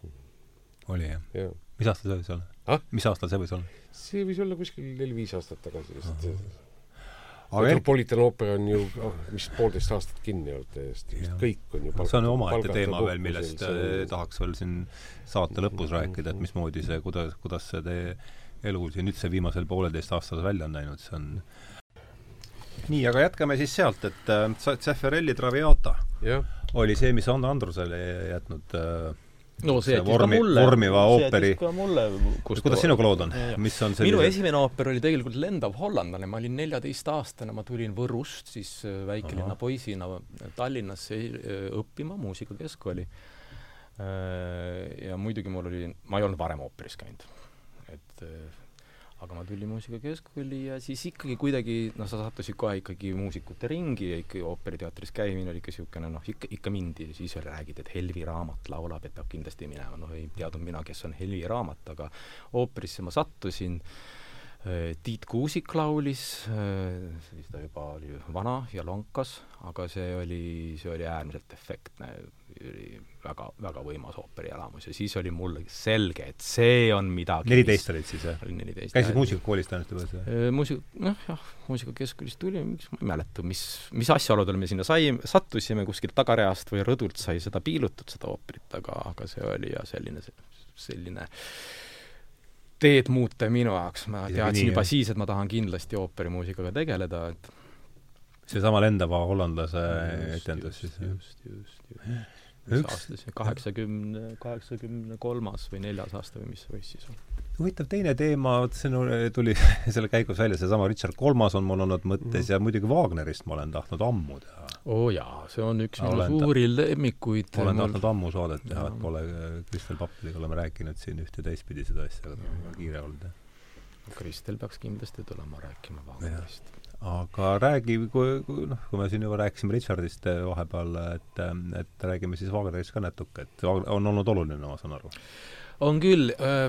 mul Wagner... on ka jätnud, Tannhäuser on jätnud sellise minu Wagneri kõige võimsam elamus on tegelikult äh, äh,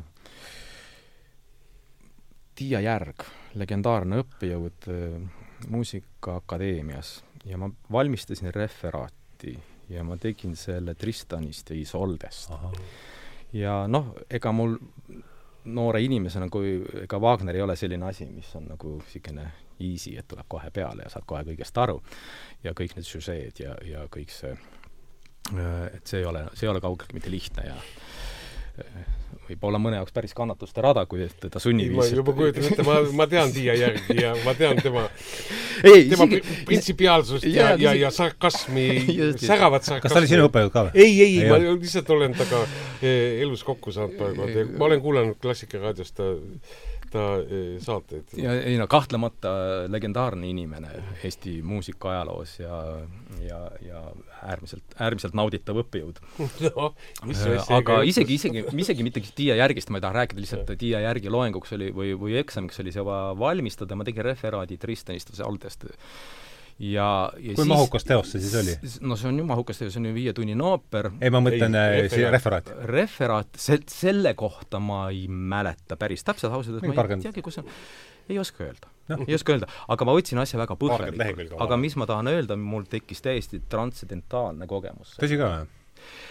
ma läksin sellesse muusikasse nii võimsalt sisse, et üks hetk ma ma mäletan no see oli Wagneri eesmärk ilmselt, niisugune kogemus sulle tekitada? ma sain, ma sain teada selle, et tegelikult, äh, tegelikult muusika võib ikkagi inimest täielikult äh, läbi raputada. võib tegelikult su täiesti alla neelata. ja ma mäletan, et et äh, keegi sisenes mu sellesse äh, ühikatuppa, koputas ja oli tükk aega peksnud ukse taga, mina olin kõva häälega seal või noh, kõvasti sealt muusikat kuulanud, ja kui ta sisse tuli, ma ei saanud tükk aega aru, kus ma olen või mis ma viibin. sest see ooper oli täielikult mu alla neelanud. Ja ma, ma mäletan seda, et kui ma hakkasin hiljem analüüsima, siis ma mul tekkis nagu külmavarina, ma mõtlesin, et ohoh, et kas selline asi on üldse võimalik. ja see on, seal on vaimuhaiguse tunnused. see võib ära hirmutada loomulikult. just, just. ja siis, siis ma sain aru, et ega, ega see ikka, ikka naljaasi ei ole, et, et äh, geeniused ikka on geeniused asja pärast mm. -hmm. ja sealt on tekkinud minu võimas muidugi austus ja, ja, ja vaimustus Wagneri muusika vastu. Mhm. ja ka noh, ka üleüldse muusikateatri vastu kui selline, et ma pean ennast muusikuks, aga ma arvan, et muusikateater on ikka mu kirg number üks.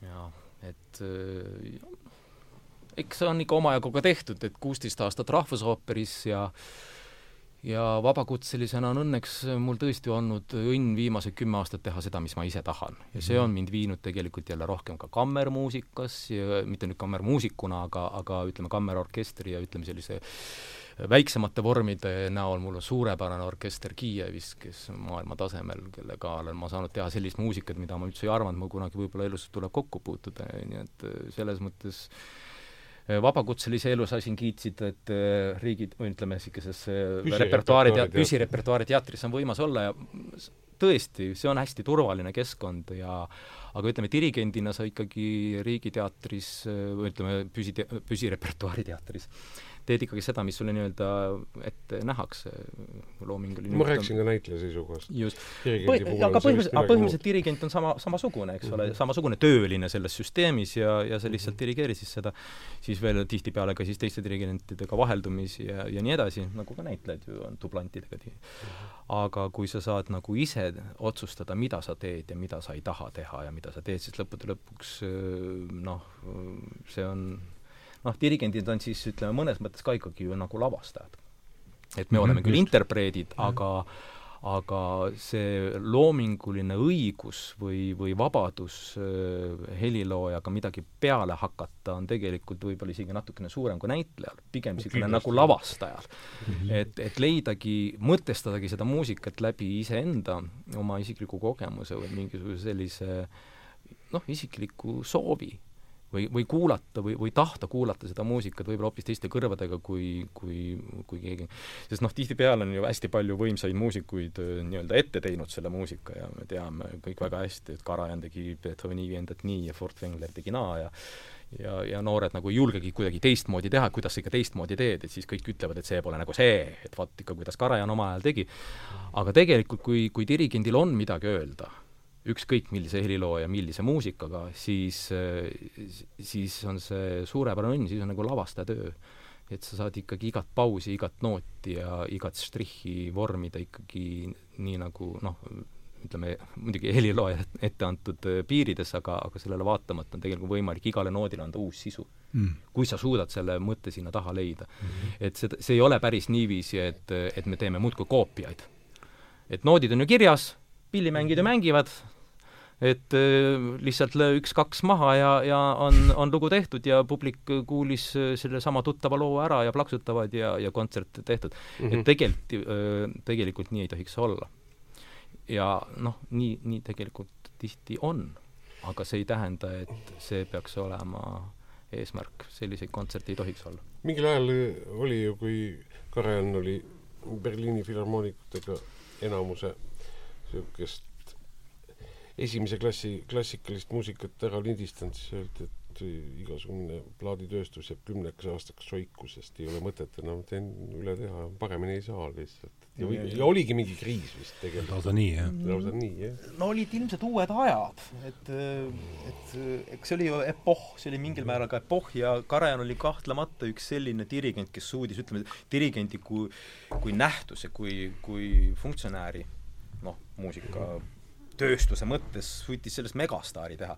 et ma arvan, et Karajaani ajastu ikkagi lõi, noh, olid küll muidugi ju võimsad dirigendi näited ka seal ees, alates seal noh, kõikidest nendest kuulsatest äh, dirigentidest, aga, aga ma arvan, et Karajan suutis nagu ka äh, dirigendi äh, kuvandis teha sellise megastaari.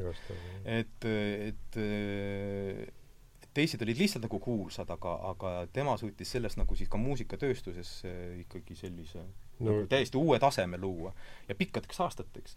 ja ma arvan, et väga paljud noored dirigendid äh, mõtlevad ka selle peale, et oi, et kui saaks ikka nagu kuulsaks ja ja, ja et noh, tegelikult ei ole see funktsioon, dirigent on nagu pedagoog, ta on nagu filosoof, ta on selline isa, et tal peab olema selline hoopis teine funktsioon, ta peab võtma ühe helilooja teose ja selle, selle publikule äh, huvitavaks tegema, et publik sellest midagi saaks rohkemat see ei, see ei ole nagu dirigendi isiksus ise, on palju dirigente, kes lähevad ja siis vaatavad üle õla, et noh, et kas publik ikka plaksutab ja et ühesõnaga äh, Äh, või, või noh, mida iganes, eks ole, noh mm -hmm. jah.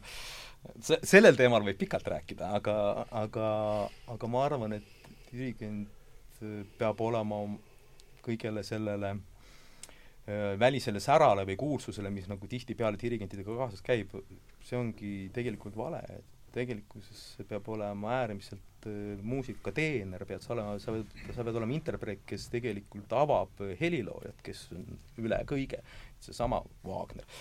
et äh, mitte sinu isiksus ei tohi nagu helilooja üle prevaleerida. Kummaline, kummaline, siin on ikka niisugune kummaline vastuolu sees jah, et ma mõtlen selle peale just praegu, et sa pead olema väga võimukas inimene, et mm -hmm. orkestrit allutada ja siis samal ajal väga isetu ja alandlik helilooja suhtes, et just. no,, see on niisugune mm -hmm. isegi sa ei pea olema väga võimukas no,, no, sa, sa pead, sa pead olema mi,, minu jaoks sa pead olema lihtsalt niivõrd pädev sellest asjas ja sinu vastu on nagu usaldus mitte aukartus, sest noh, jah, dirigente on väga erinevaid ja on ka selliseid, kes ütlevad nii, eks ole, välja, mida iganes, ja, või solvavad lausa, ütlevad, et sa ei oska mängida ja mm. -hmm ja, ja kui sul on positsioon ja sind kardetakse, siis kindlasti mingisuguse tulemuse saab kätte, aga ma arvan, et me näeme seda absoluutselt igas, igas ühiskonnas, igas väiksemas mudelis, koolis, õpetajad kes on võimukad, kes on, nohisevad nurgas, et igatepidi saab. aga tõesti, ma arvan, et esimene asi, muusikutel peab olema usaldus sinu vastu, nad peavad ar aru saama, et sinuga koos sünnib midagi rohkemat, kui lihtsalt mängime noodid ära mm. -hmm. Ja kui see tekib, siis saab, siis saab tõesti teha väga palju ilusaid asju. et see ei ole alati võimu küsimus, et see pigem sulle see äh, see võimupositsioon sulle kingitakse muusikute poolt, kui nad sinust lugu peavad. et see no on pigem selline. ja mina olen alati seda usku ka, et protsess peab olema ikka, protsess on minu jaoks tähtsam kui resultaat mm.. ja, ja üks prooviperiood on ju nii pikk aeg inimeste elust, et no et eh, rikkuda teiste närve ja, ja minna kõigiga tülli ja mingi loomingulise kunstiviha pealt looma hakata, luues samal ajal tegelikult eh, enda kui diktaatori kuvandit et äh, siis see on, see on nii jabur ausalt öelda, et noh, et äh, ikka, ikka heaga saab paremini. No,. ikka heaga saab paremini, püüa seda vähest head ikka võimendada ja, ja, ja, ja too mõni eh, noh, püüdlikum, too eeskujuks teistele nendele hädavarastele ja ära hakka, vot ma ütlen, et see Virginia Woolfi lavastus näiteks oli sellepärast geniaalne, Mladen Kisselov oli äh, oli Moskvas Tehvrose kooliga, mis on parim kool, ütleme, ja siis ta oli veel sellise äh, Lõuna-Euroopa temperamendiga bulgaarlane ja, ja siis ta oli õppinud äh, Carnegie Melloni seal Philadelphia's vist selles, ta õpetanud kakskümmend aastat režiid ja, ja, ja lavastajat, sealt oli niisuguse pragmatismi saanud, nii et see oli nagu niisugune ideaalne kombo ühe lavastaja jaoks ja, ja tal oli terve arsenal präänikuid ja mitte ühtegi piitsa mm. ja ta, tal oli see arsenal ja, ja ta ise oli kaevanud ka, et ma olen natuke hambutuks muutunud, sest seal Carnegie Mellonis enamus olid tasulised üliõpilased, ta ei saanud kedagi sõimata, sest ta läks kohtusse kaevatud lihtsalt. aga, aga, aga see arendas temas mingi sellise lavastaja eh, tööriistakomplekti, mis oli ideaalne täiesti hea, hea. ma, ma, ma ei ole ka oma lapsi kunagi peksnud, ma olen püüdnud ikka sõimuga saab mingi teatud tasemele ja noh, olen elus isegi teinud vigu ja aga hea on ta analüüsida, et mõelda selle peale, et ega sa inimest solvates, kuidas sa saad ta pärast oma ta-, paati, et koos musitseerida? tegelikult noh, ei saagi ja ei saagi enam kunagi, mis, mis siis seal peaks siis sündima. kuidas siis, mille eest siis publik siis raha maksab, mis elamuse eest, selle eest, et kaks tüüpi seal omavahel kisklevad ja siis tegelikult vaene helilooja siis saab ära esitatud kuidagi sinna vahele. et see peab ikka olema üks suur armastus, mis inimeste vahel on läbi selle muusika. ja siis sünnib midagi sellist, mis, mis väärib publikul kuulamist. ideaalis no ja ma lavastan ka ikkagi, ma ju saan aru, ega keegi näitlejatest-lauljatest ei mängi meelega halvasti, nad lihtsalt ei ole veel valmis selleks. see on aga, tihtipeale ma olen kohanud lavastajaid, kes tunnevad ennast isiklikult solvatuna, kui näitleja ei, ei ole veel samal tasemel kui tema. me jõudsime jälle Virginia Woolfi juurde tagasi ja see oli, see oli vägev, no see oli vägev tükk, et, et see on ikka üks äh, teatrielamustest, mida ei olegi ju nii palju. Noh, päris elamusi on ikkagi ju ikkagi vähe et see oli üks nendest ja mis mäletad, mis muusika seal, kuidas, kuidas seal muusikaga oli, et mäletad sa, mida seal on mis... Beethoveni kuues sümfoonia sisse kirjutatud vist ja siis ja see on juba Olbel endal või? jaa, see on Olbel endal.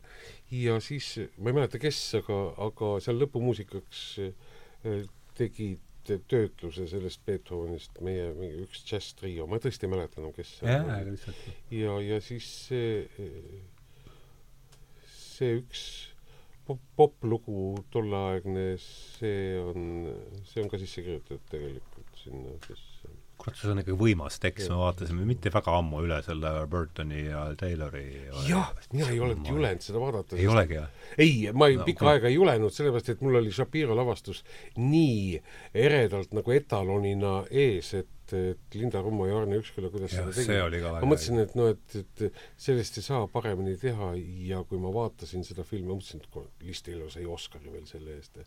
aga Liis Taylor mängib geniaalselt seda, ma ei olnud Burtoniga väga rahul, või no mängib korralikult, aga tal läks natuke auru professori mängimise peale. Talle tundus vist, et ta peab seda professorit natuke näitama mulle, et ta väga professor on, et sihuke, see oli mõttetu energiakulu. aga Liis Taylor, Liis Taylor, et ta julg-, ta oli ju kohutavalt noor, Marta on kirjade järgi viiekümne kahe aastane, eks, aga Taylor oli, Taylor oli vist, ma ei tea, kas natuke üle kolmekümne. kas tal oli sihuk? Jaa, ja et ta, ta võttis tahtejõuga, võttis vist kaksteist kilo juurde, et need kuradi rasvavorstid seal ripuksid üle pükste ääre ja, ja, ja ta oli, noh, ta tegi superrolli kurat, aga see tekst seal, see noh, see ja see, ja seda elukogemust ei saanud tal olla tegelikult, no ma ei tea, tema, arvestades tema abielude hulka, siis ta võis olla ka kiire arengu ta oli just Richard Burtoniga kolmandat korda abielus ilmselt selle aga korra veel Wagneri juurde tagasi põigata, et enne kui me hakkame siin viimaseid mm, minuteid mm, räägiks sellest äh, üldise olukorras kultuurimaastikul, et oled sa ise dirigeerinud? Äh, kahjuks ei ole. ei ole? jah, et elu, elu ei ole mind, noh, ei ole, ei ole ette toonud ma ikka loodan, et ma kunagi saan endale päris oma teatri, kus ma saan ise otsustada, mis rekla-, mis, mis repertuaaris on, aga no, no Confestil sa susi seal, et järgmised võitjad vaataksid Wagneri poole. Jaa, jaa, ja see võimalus on ja kui võidab üks, üks tõsiselt hea laulja, kellel, kellel on Wagneri hääl ja kes tahab Wagneri rolli see on omaette termin nagu Wagneri hääl või? Jah, tõsi, tõsi on. noh, isegi mina olen kuulnud. ja, ja, ja et eh, no mis on, ütleme siis niimoodi asjatundmatule paari sõnaga, mis see asjatundmatule, noh, eh, see on lihtsalt niivõrd nõudlik, et su hääl peab olema võimeline tegelikult vastu pidama siis ütleme, viie-kuuetunnise ooperi okay. ja, ja nad on kirjutatud, ütleme ikkagi Äh, noh, ütleme siis niiviisi, noh, no dramaatiline ja lüüriline, see või selgitab nagu kõige paremini, et kõik saavad aru, et lüürika midagi pehmemat ja midagi kergemat, äh, noh näiteks meil on lüürilised hääled selles äh, ooperis, mida me praegu teeme türklases, aga Wagner nõuab ikkagi sellist mm. Dramaatikat ja see peab, ja see on hääletoonis või siis ütleme, hääles tegelikult siis nagu olemas. ja, ja see sõltub siis ka hääle tugevusest, nii-öelda kandevõimest. Et äh, ja, ja see on nüüd sünnipärane, et äh, ega inimene väga oma häälepaali, paelu muuta ei saa, et kas tal on siis, äh, siis sellest siis tuleb, kas inimene saa-, on võimeline Wagnerit ära laulma või mitte, et Wagner on väga demanding, siis nõudlik oma noh, vokaalpartii on lihtsalt niivõrd, niivõrd raske, pikad mm -hmm. liinid, rasked tessituurid, no mis tähendab siis noh, erinevad kõrgused, et noh, et lastelaulukese laulab igaüks ära, aga, aga Wagnerit ja selleks, selleks isegi sellise kergema lüürilise häälega, ükskõik kui geniaalne laulja sa võid olla, sa lihtsalt seda ära ei laula mm. -hmm et jah, et sealt on täitsa omaette mõiste jah, on Wagneri lauljad, et see ei tähenda alati nagu väga äh, suurt ja võimast häält, et selles dramaatika ei ole mitte nagu selles hääle võim, hääle suuruses, vaid, vaid mingis teatud noh, ütleme, intensiivsuses, mis selles hääles on, et sa suudad võimsast suurest orkestrist läbi laulda, et see on mm -hmm. nagu niisugune formantideks nimetades seda nagu, nagu tekivad sellised kõlavõnked, mis, mis on nagu niisugused teisi kõlasid või teisi helisid läbistavad mm, -hmm. ütleme niiviisi. et lüüriline kerge hääl jääks suure orkestri varju momentaalselt mm. -hmm et äh, Rossiinil on pisikene õrn orkestrikene all, et seal on kõik hoopis, hoopis mängulisem ja kergem ja läbipaistvam, aga, aga Wagnerit jah, seda juba noh, helilooja ise, Wagner ise on kirjutanud selle partituuri nii, nii võimsatele ja mitmetele pillidele, et neid ei ole, noh, kui niisuguse väikese, väikese grupi pillidega mängida, siis see kõlaks väga pentsikult mm. -hmm et see on ikka suur ettevõtmine Wagner see on suur ettevõtmine ja ma arvan, et isegi kui keegi tahaks Bromfestil ooperit, Wagnerit laulda, siis noh, meil mahuks võib-olla ainult üks neljandik seda sinna Endla teatri auku, seda, seda, mida Wagner ette näeb. nii et ma arvan, et see ponnistus jääks meil siis küll kaht-, kahjuks vist ikka ära nii et seda no seda... Estonia on ju Wagnerit teinud ja ega see orkestri auk suurem ei ole sul? Eh, noh, jah, teatud mööndustega loomulikult ka seal makstakse natukene lõivu, rea-, noh, reaalselt tähendab see seda, et lihtsalt keelpillide hulka natukene vähendatakse. ja noh, ütleme päris, no saab ära teha küll ja, ja ka sõltub, milliseid oopereid, päris kõiki mm, -hmm. kõiki Pairatisse sa pole ise jõudnud? kuidas? sinna Pirate, Pirate, Wagneri Pirate'is olen käinud, olen käinud, käinud kaks korda olen käinud jah, ja viimane elamus ongi mul kuskil nelja aasta tagant sai Parsifali vaadatud jah, see on huvitav, et, et seal, noh, see on teater, eks ole, mis on noh, Wagneri jaoks tehtud. Selle... Pole vist lihtne piletit saada nagu. jah, noh, õnneks mul ütleme, ma olen ooperimaailmas nii, nii, kuidas ütelda äh, kõva käsi. kõva, kõva käsi. no ühesõnaga, ma tunnen hästi palju toredaid inimesi ooperimaailmast ja mul on hästi palju tekkinud sidemeid ja tänu ka väga palju tänu sellele konkursile, ooperikonkursile ja ma tunnen inimesi, kes tunnevad inimesi ja, ja tänu sellele mul on võimalus siis ka võib-olla lihtsamini noh, tegelikult jah, peab ütlema, et ikka päris Euroopas saab küll peaaegu kõikidesse ooperiteatritesse ikkagi sisse ikka on alati keegi tuttav ees. et tänu sellele on saanud seal Piratis ka käidud jah, ja, ja võimas. on võimas ikka, jah? no on ikka, see on täiesti teine, seal huvitav, et seal nagu aeg on hoopis teistsugune, kui sa, kui sa nagu päriselt kuuled väga hästi lauldud, esitatud, mängitud Wagneri ooperit, siis see aeg lendab hoopis teises tempos. siis ei tu-, viis tundi tundub ikkagi meeletu aeg aga sa võid vaadata viietunnist etendust ja pärast mõtled, kuhu see aeg läks. sest see läheb kõik nii, sest kui midagi on nii head, siis sa, siis sa lähed igasse nüanssi sisse, siis sa naudid kõike. Nii kui see oleks keskpärane, ma kujutan ette, et siis suurem osa publikust magaks. no eks seal on ka neid magajaid sa New Yorgi Metropolitanis seda Lepagi lavastatud seda Nibelungide triloogiat ei ole näinud? ma vaatasin see kuskil telekas, see lava, see lavakujundus oli tõesti pöörane. mis seal siis oli? ma ei, seal olid mingid metallkonstruktsioonid, mingid siuksed pikad hoovad, mis olid nagu hammas, vaata need jumal, kui need valküürid olid seal üleval lae all, minu meelest see Metropolitani lava ehitati ümber, et see kannaks ära seda, see oli umbes nagu armee keskteatris, kus pidid tankid sõitma üle lava, eks noh. See oli, see, see oli mingi eraldi dokfilmid juba sellest lava ehitamisest ja sellest inseneritööst ja seal Metropolitanis oli see? Metropolitanis, jaa, ma olen näinud ainult telekas seda.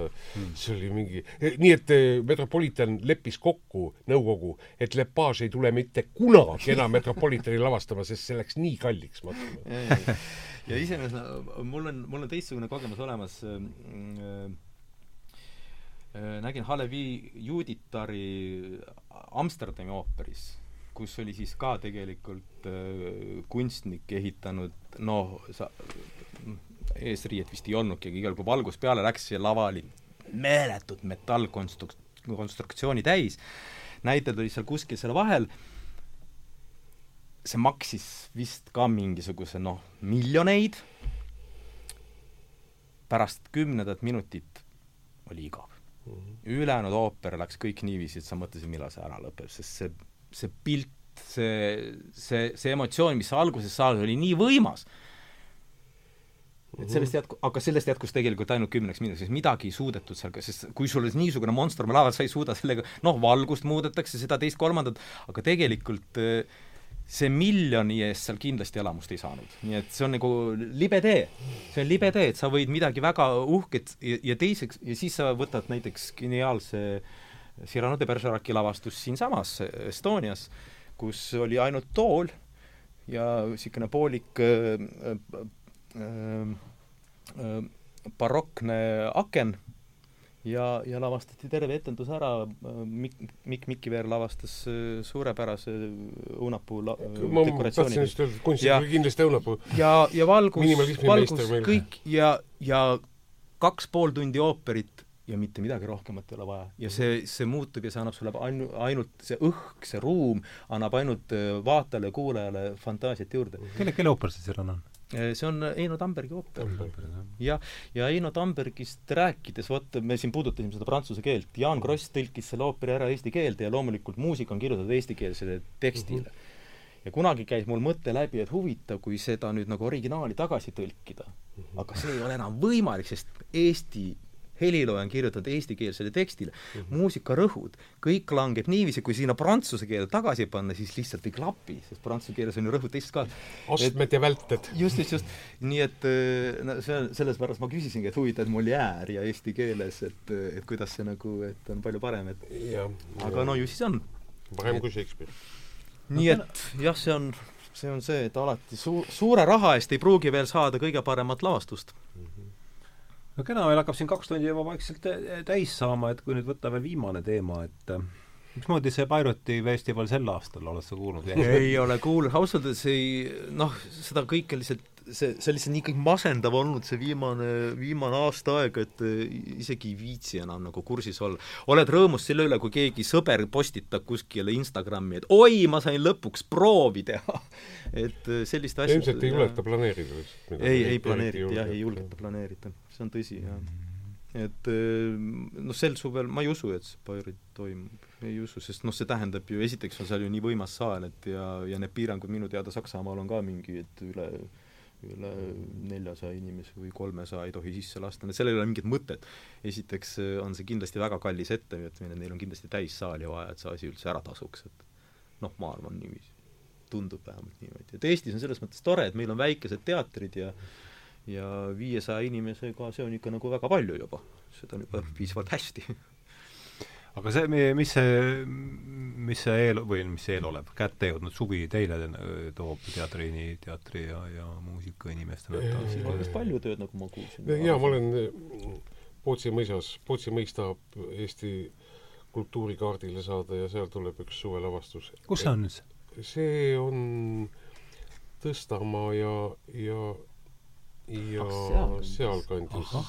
sealt, kus läheb keerab alla sadamasse, mis viib äh, Kihnu ja just, just, just, just, just, just, see on Pootsi. see on üks Pootsi veini, veinimõis nii-öelda, kes tahab ja seal me teeme ühte lugu Eramaa ja Eramaa? Eramaa on selle nimi, jah. ja äh, ja see on, tore seltskond on seal Juss Saasma ja Päroja ja Tanja Mihhailova ja Nikolai Peltser ja mina. viiekesi. see on siis sõnalavastus? sõnalavastus, täiesti sõnalavastus Vabas õhus ja kelle, kelle tükk? Seda äh, alustas Hannes Võrno ja, ja Anti Reintal lõpetas. me, me oleme seda materjali väga palju töödelnud ja, ja nüüd meil on lõplik tekst käes, see on nii-öelda peaaegu et noh, põhiliselt Anti Reintal, aga seal on rühmatöö. ja, ja siis ma lähen Naissaarele Aadam Õunu mängima veel seal Nargen oopera egiidi all. ja, ja siis on juba Kaunas, Kaunas juba augustis. just ja sul? minul õnneks juunikuu on väga tihe, sest Aha. nüüd äh, noh, nagu me saade algas sellest, et rääkisime, et on olemas üks selline konkurss, Claudia Taevi nimeline seal Pärnus, et äh, eelvoorud toimuvad Sa erinevates linnades toimuvad, ja need ikka toimuvad väga, väga suuresti, väga, väga keeruliselt aetud, aga, aga nad toimuvad kümnes linnas. ja siis äh, saab minna Berliini ja Mannheimi ja Graatsi ja loodetavasti siis ikkagi tuleb et osa võtta nõksa lahjem. ainult Helsingisse ei saa? ainult Helsingis ei saa jah, huvitav, et Helsingis peaks olema homme konkurss ja, ja kõik oli juba kokku lepitud, laevapiletid ostetud ja siis selgus, et teatris tuli kiri, siis keegi oluline inimene, kes siis vastutab kõikide nende koroona, koroonapiirangute eest, siis ütles, et aga tegelikult ta ei tohi teatrisse tulla, sest ta peab tegema teise testi seitsmekümne kahe tunni pärast ja alles siis ta võib siseneda teatrisse. no teistes riikides, ükskõik kus me käime, siin me muidugi ei tohi see vist niisugust juttu rääkida aga aga noh, Kaunasesse läksime, tegelikult paberite järgi oleks pidanud me istuma ka kümme päeva ju karantiinis, enne kui me lauljatega kokku saame, aga kuidagi nagu mina olen kaks AstraZenecat kätte saanud, mulle need kohustused ei laiene. jah, aga jah, nii on, et aga, aga, aga kuidagi nagu see usalduse peal oli ja loomulikult eks, eks sa pead ikkagi ise, ise teadma, aga noh, ega me ei tea kunagi, me võime ju saada selle haiguse kust, kust iganes aga, aga noh, hulluks ei saa minna. ma arvan, et siin on nagu nende kõikide piirangutega ongi, et, et võib ju täitsa hulluks minna, teha ikka nii ära piirata ja nii ära kontrollida, et et, et ma arvan, et see on nagu ka äärmuslik. Ja väga paljudes maa, kaasa arvatud Soomes minu arust see praegu nii on, et, et lihtsalt minnakse nagu täi-, täielikku teise äärmusesse, et inimesed ei tunne ennast nagu üldse, no tegelikult sa võid selle haiguse saada, siisamast naabrinaine käis Ida-Virumaal ja sa saad selle haiguse, on ju et selleks ei pea ju kuskil Iirimaal käima või, või, või Portugalis, et see haigus Eestisse tuua. nii nagu kõik need, kes reisivad, need pannakse kohe nagu patuoinaste registrisse, et nemad kindlasti toovad meile nüüd mingisuguse viiruse kaasa. et see, seda ei saa päris niiviisi vaadata. ja üleüldse kõik see, et teatrid kinni pannakse, eks ole, Saksamaal tehti ju kohe eelmisel sügisel tehti uuring, lugesin et ainult null koma üks protsenti kõikidest haigusjuhtudest tulid teatrist ja kinost aga ometi pandi teatrid ja kinod kinni kohe esimeses no, järjekorras. ei ole teada ühtegi juhtumit, et see oleks teatrist või kinost saada. eks ju, ja mis on tegelikult ka täiesti loogiline, kui inimene on haige, sa ei lähe teatrisse. no võib-olla veel kinno lähed, aga no miks sa peaksid üldse haigena kuskile minema, sul ei ole mingit tujugi, kui haigena kuskile minna, eks ju et äh, selles mõttes kui see mingi haigis... teooria järgi on veel terved inimesed on veel kõige ohtlikumad.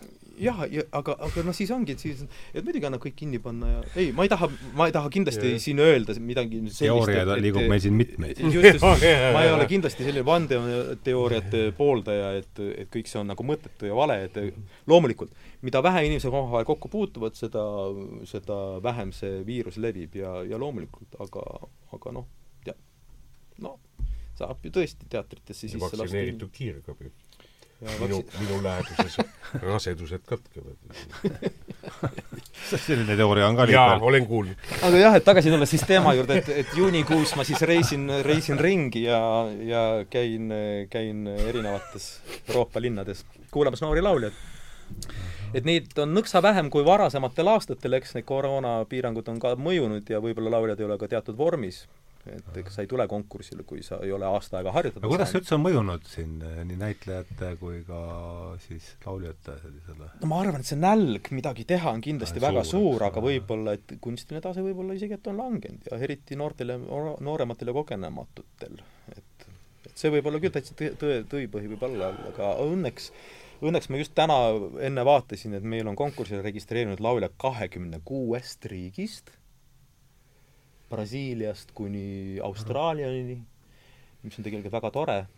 meil on juba üle saja registreerinud, kaks nädalat on veel aega, nii et ma arvan, et me saame väga uhke seltskonna kokku, nii et see juunikuu saab mul väga põnev olema kuulata noori lauljaid erinevates. Euroopas, aga juulikuus ilmselt siis tuleb puhata, puhata. ma ei, ma ei saa teiste näitlejate seisukohast midagi öelda, aga mulle endale mõjus see koroona niimoodi, et no ma istusin nii pikalt äh, maal kodus, et vahepeal ma tegin juba nalja, et ma nägin üks päev ennast telekast, ma olen vist noorusest näitlejana töötanud. aga, aga lõpuks see äh, päädis sellega, et ma vahetasin teatrit, ma käisin Pärnu teatris külalisena proovides ja ja äkki ma tundsin, ma ei taha enam linna tagasi tulla.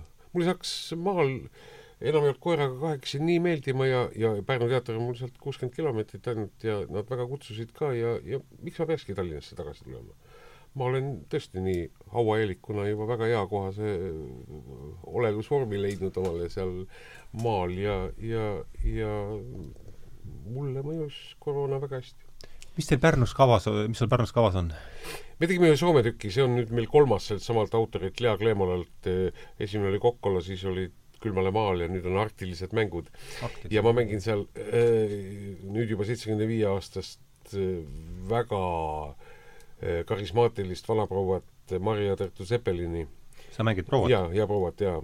ja Kadri Rämmel mängib mu peigmeest noh, see on juba iseenesest. sama vana, aga, aga seda me oleme, me tegime proove, pooled Zoomis, sest Zoomis keegi, proovid? proovid Zoomis, lugemisproovid Zoomis Aha. ja isegi juba sealt edasi Zoomis, sest meie truppi laastas koroona, meil oli seitse näitlejat ja neli neist olid erinevatel aegadel koroonas aeg-ajalt ja siis ähm, meil oli kinnine esietendus äh, oma teatri inimestele ja siis publikut saali lubatud lasta, siis äh, juba varsti lubatakse, siis me juba taastasime selle tüki ja siis keelati jälle ära ja nüüd on selge, et esietendus on seitsmes ei, kolmas september, niimoodi. ja järgmise tükina äh, Ingomar Vihmar on välja kuulutanud kas see on ka Ingomari lavastus? jaa, see on Ingomari lavastus, jaa.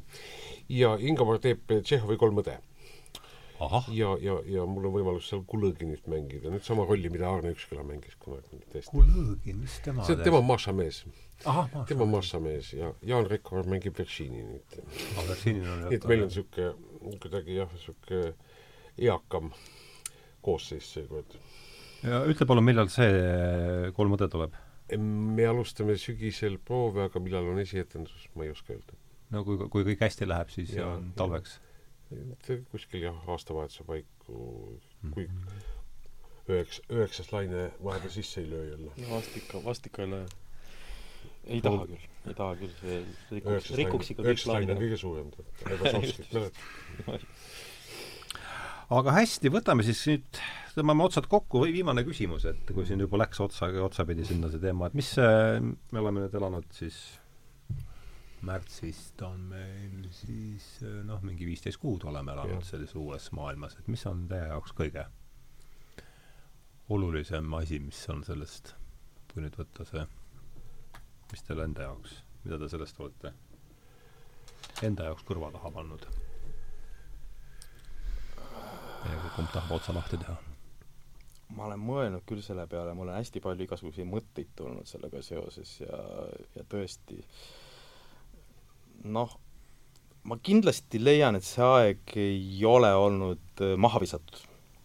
pigem vastupidi. -huh. ma arvan, et see aeg, see, see ei olegi üldse mingisugune, sellest on palju, palju räägitud, et nüüd on inimestel aega olnud iseenda peale mõelda ja üleüldse mõtteid sättida ja, ja, ja ma olen seda teinud. ma olen näiteks võt-, kätte võtnud prantsuse keele mm, -hmm. ma ei oska öelda, kas ma nüüd valdan seda keelt, aga ma olen täpselt see viisteist kuud olengi õppinud. ma olen õppinud nelisada seitsekümmend kolm päeva iga päev prantsuse keelt nii et ma arvan, et no see peaks tulemusi andma ju mingisugusel hetkel peaks nagu tulemusi andma, eks ma siis nüüd vaatan. ma siis nüüd lähen Prantsusmaale ja ma siis lähen Prantsusmaale ja siis proovin, et vaatan, kas, kas saan hakkama või ei saa.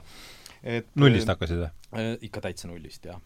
noh, selles mõttes ma olin küll varem prantsuse Prantsusmaal käinud, nii et ma tundsin ära, kui keegi rääkis prantsuse keelt, siis ma sain aru, et see on prantsuse keel, selles mõttes päris nullist ei alanud aga, aga no peaaegu. noh, ikka bonjour ma ikka teadsin mulle puhkas ja, ja, ja kuna ma olen hästi palju nooruses operette teinud, siis seal ikka on olnud sellised prantsuse keeles väljad nagu au revoir ja, ja selliseid asju ikka, ikka nagu tead, ikka nagu teadsid. aga, aga jah, et et tegelikult on ju see saavutus, et viiekümne kolme aastaselt ikkagi veel midagi, midagi ette võtta, täiesti uut ja õppida, vähemalt üritada ära õppida uus keel. et, et mingisugune noh, ma arvan, et ma ei oleks seda saanud mingil muul ajal kindlasti mitte teha. sest mm -hmm. see, et ma teadsin, et mul iga päev õppisid? jah, ja nüüd on sellest saanud selline harjumus, et mul oleks lausa nagu patt kui ma siis seda ei tee, kui ma selle vahele jätan, et et see, see on kindlasti õpetanud mulle ka midagi uut. liiga palju oli seda kõike elus, et see mingi teatud selgus on küll tekkinud, et ma tean võib-olla natukese täpsemalt, mida ma ka ise teha tahan. et ei tee Set, päris settimise aeg. on kindlasti olnud. Andrus, ütle sina ka veel sellel teemal midagi ja siis tõmbame joone alla ma ei tea, see koroona pakkus mulle imelise võimaluse tõesti maal jälgida sekund sekundilt, kuidas talvest sai suvi, mul mm. ei olnud hmm. sellist võimalust enne olnud ja ma oskan seda väga eh, hinnata ja, ja kuidagi väga lootusrikkalt mõjus ka see, et ma sain jälle kinnitust sellele, et selline psühholoogiline teater või üldse elav teater ei kao mitte kuskile, küll seal pandeemia alguses püüti igasuguseid äh, digitaalseid äh, veidi värdvorme teatrile anda, et jõuda publikuni ja need surid väga ruttu välja kõik sest ikkagi see reaalne kontakt saalis eestlane on ikka teatriusku ja see, see tunne, et mulle pakutakse tõelist originaali, et ma saan hetkel parimat, et seda näen ainult mina, see ei kordu mitte kunagi. see ekraan ei anna seda tunnet ikkagi tegelikult vist ja, ja ma sain kindlust juurde, et ega see teater võib ka võib-olla äh, marginaliseeruda ja kultuurigetostuda või aga, aga nagu ooperigi, mis on aastasadu vastu pidanud, on muutunud luksuskaubaks, ma arvan, et niisugune psühholoogiline teater muutub ka mingi aja pärast.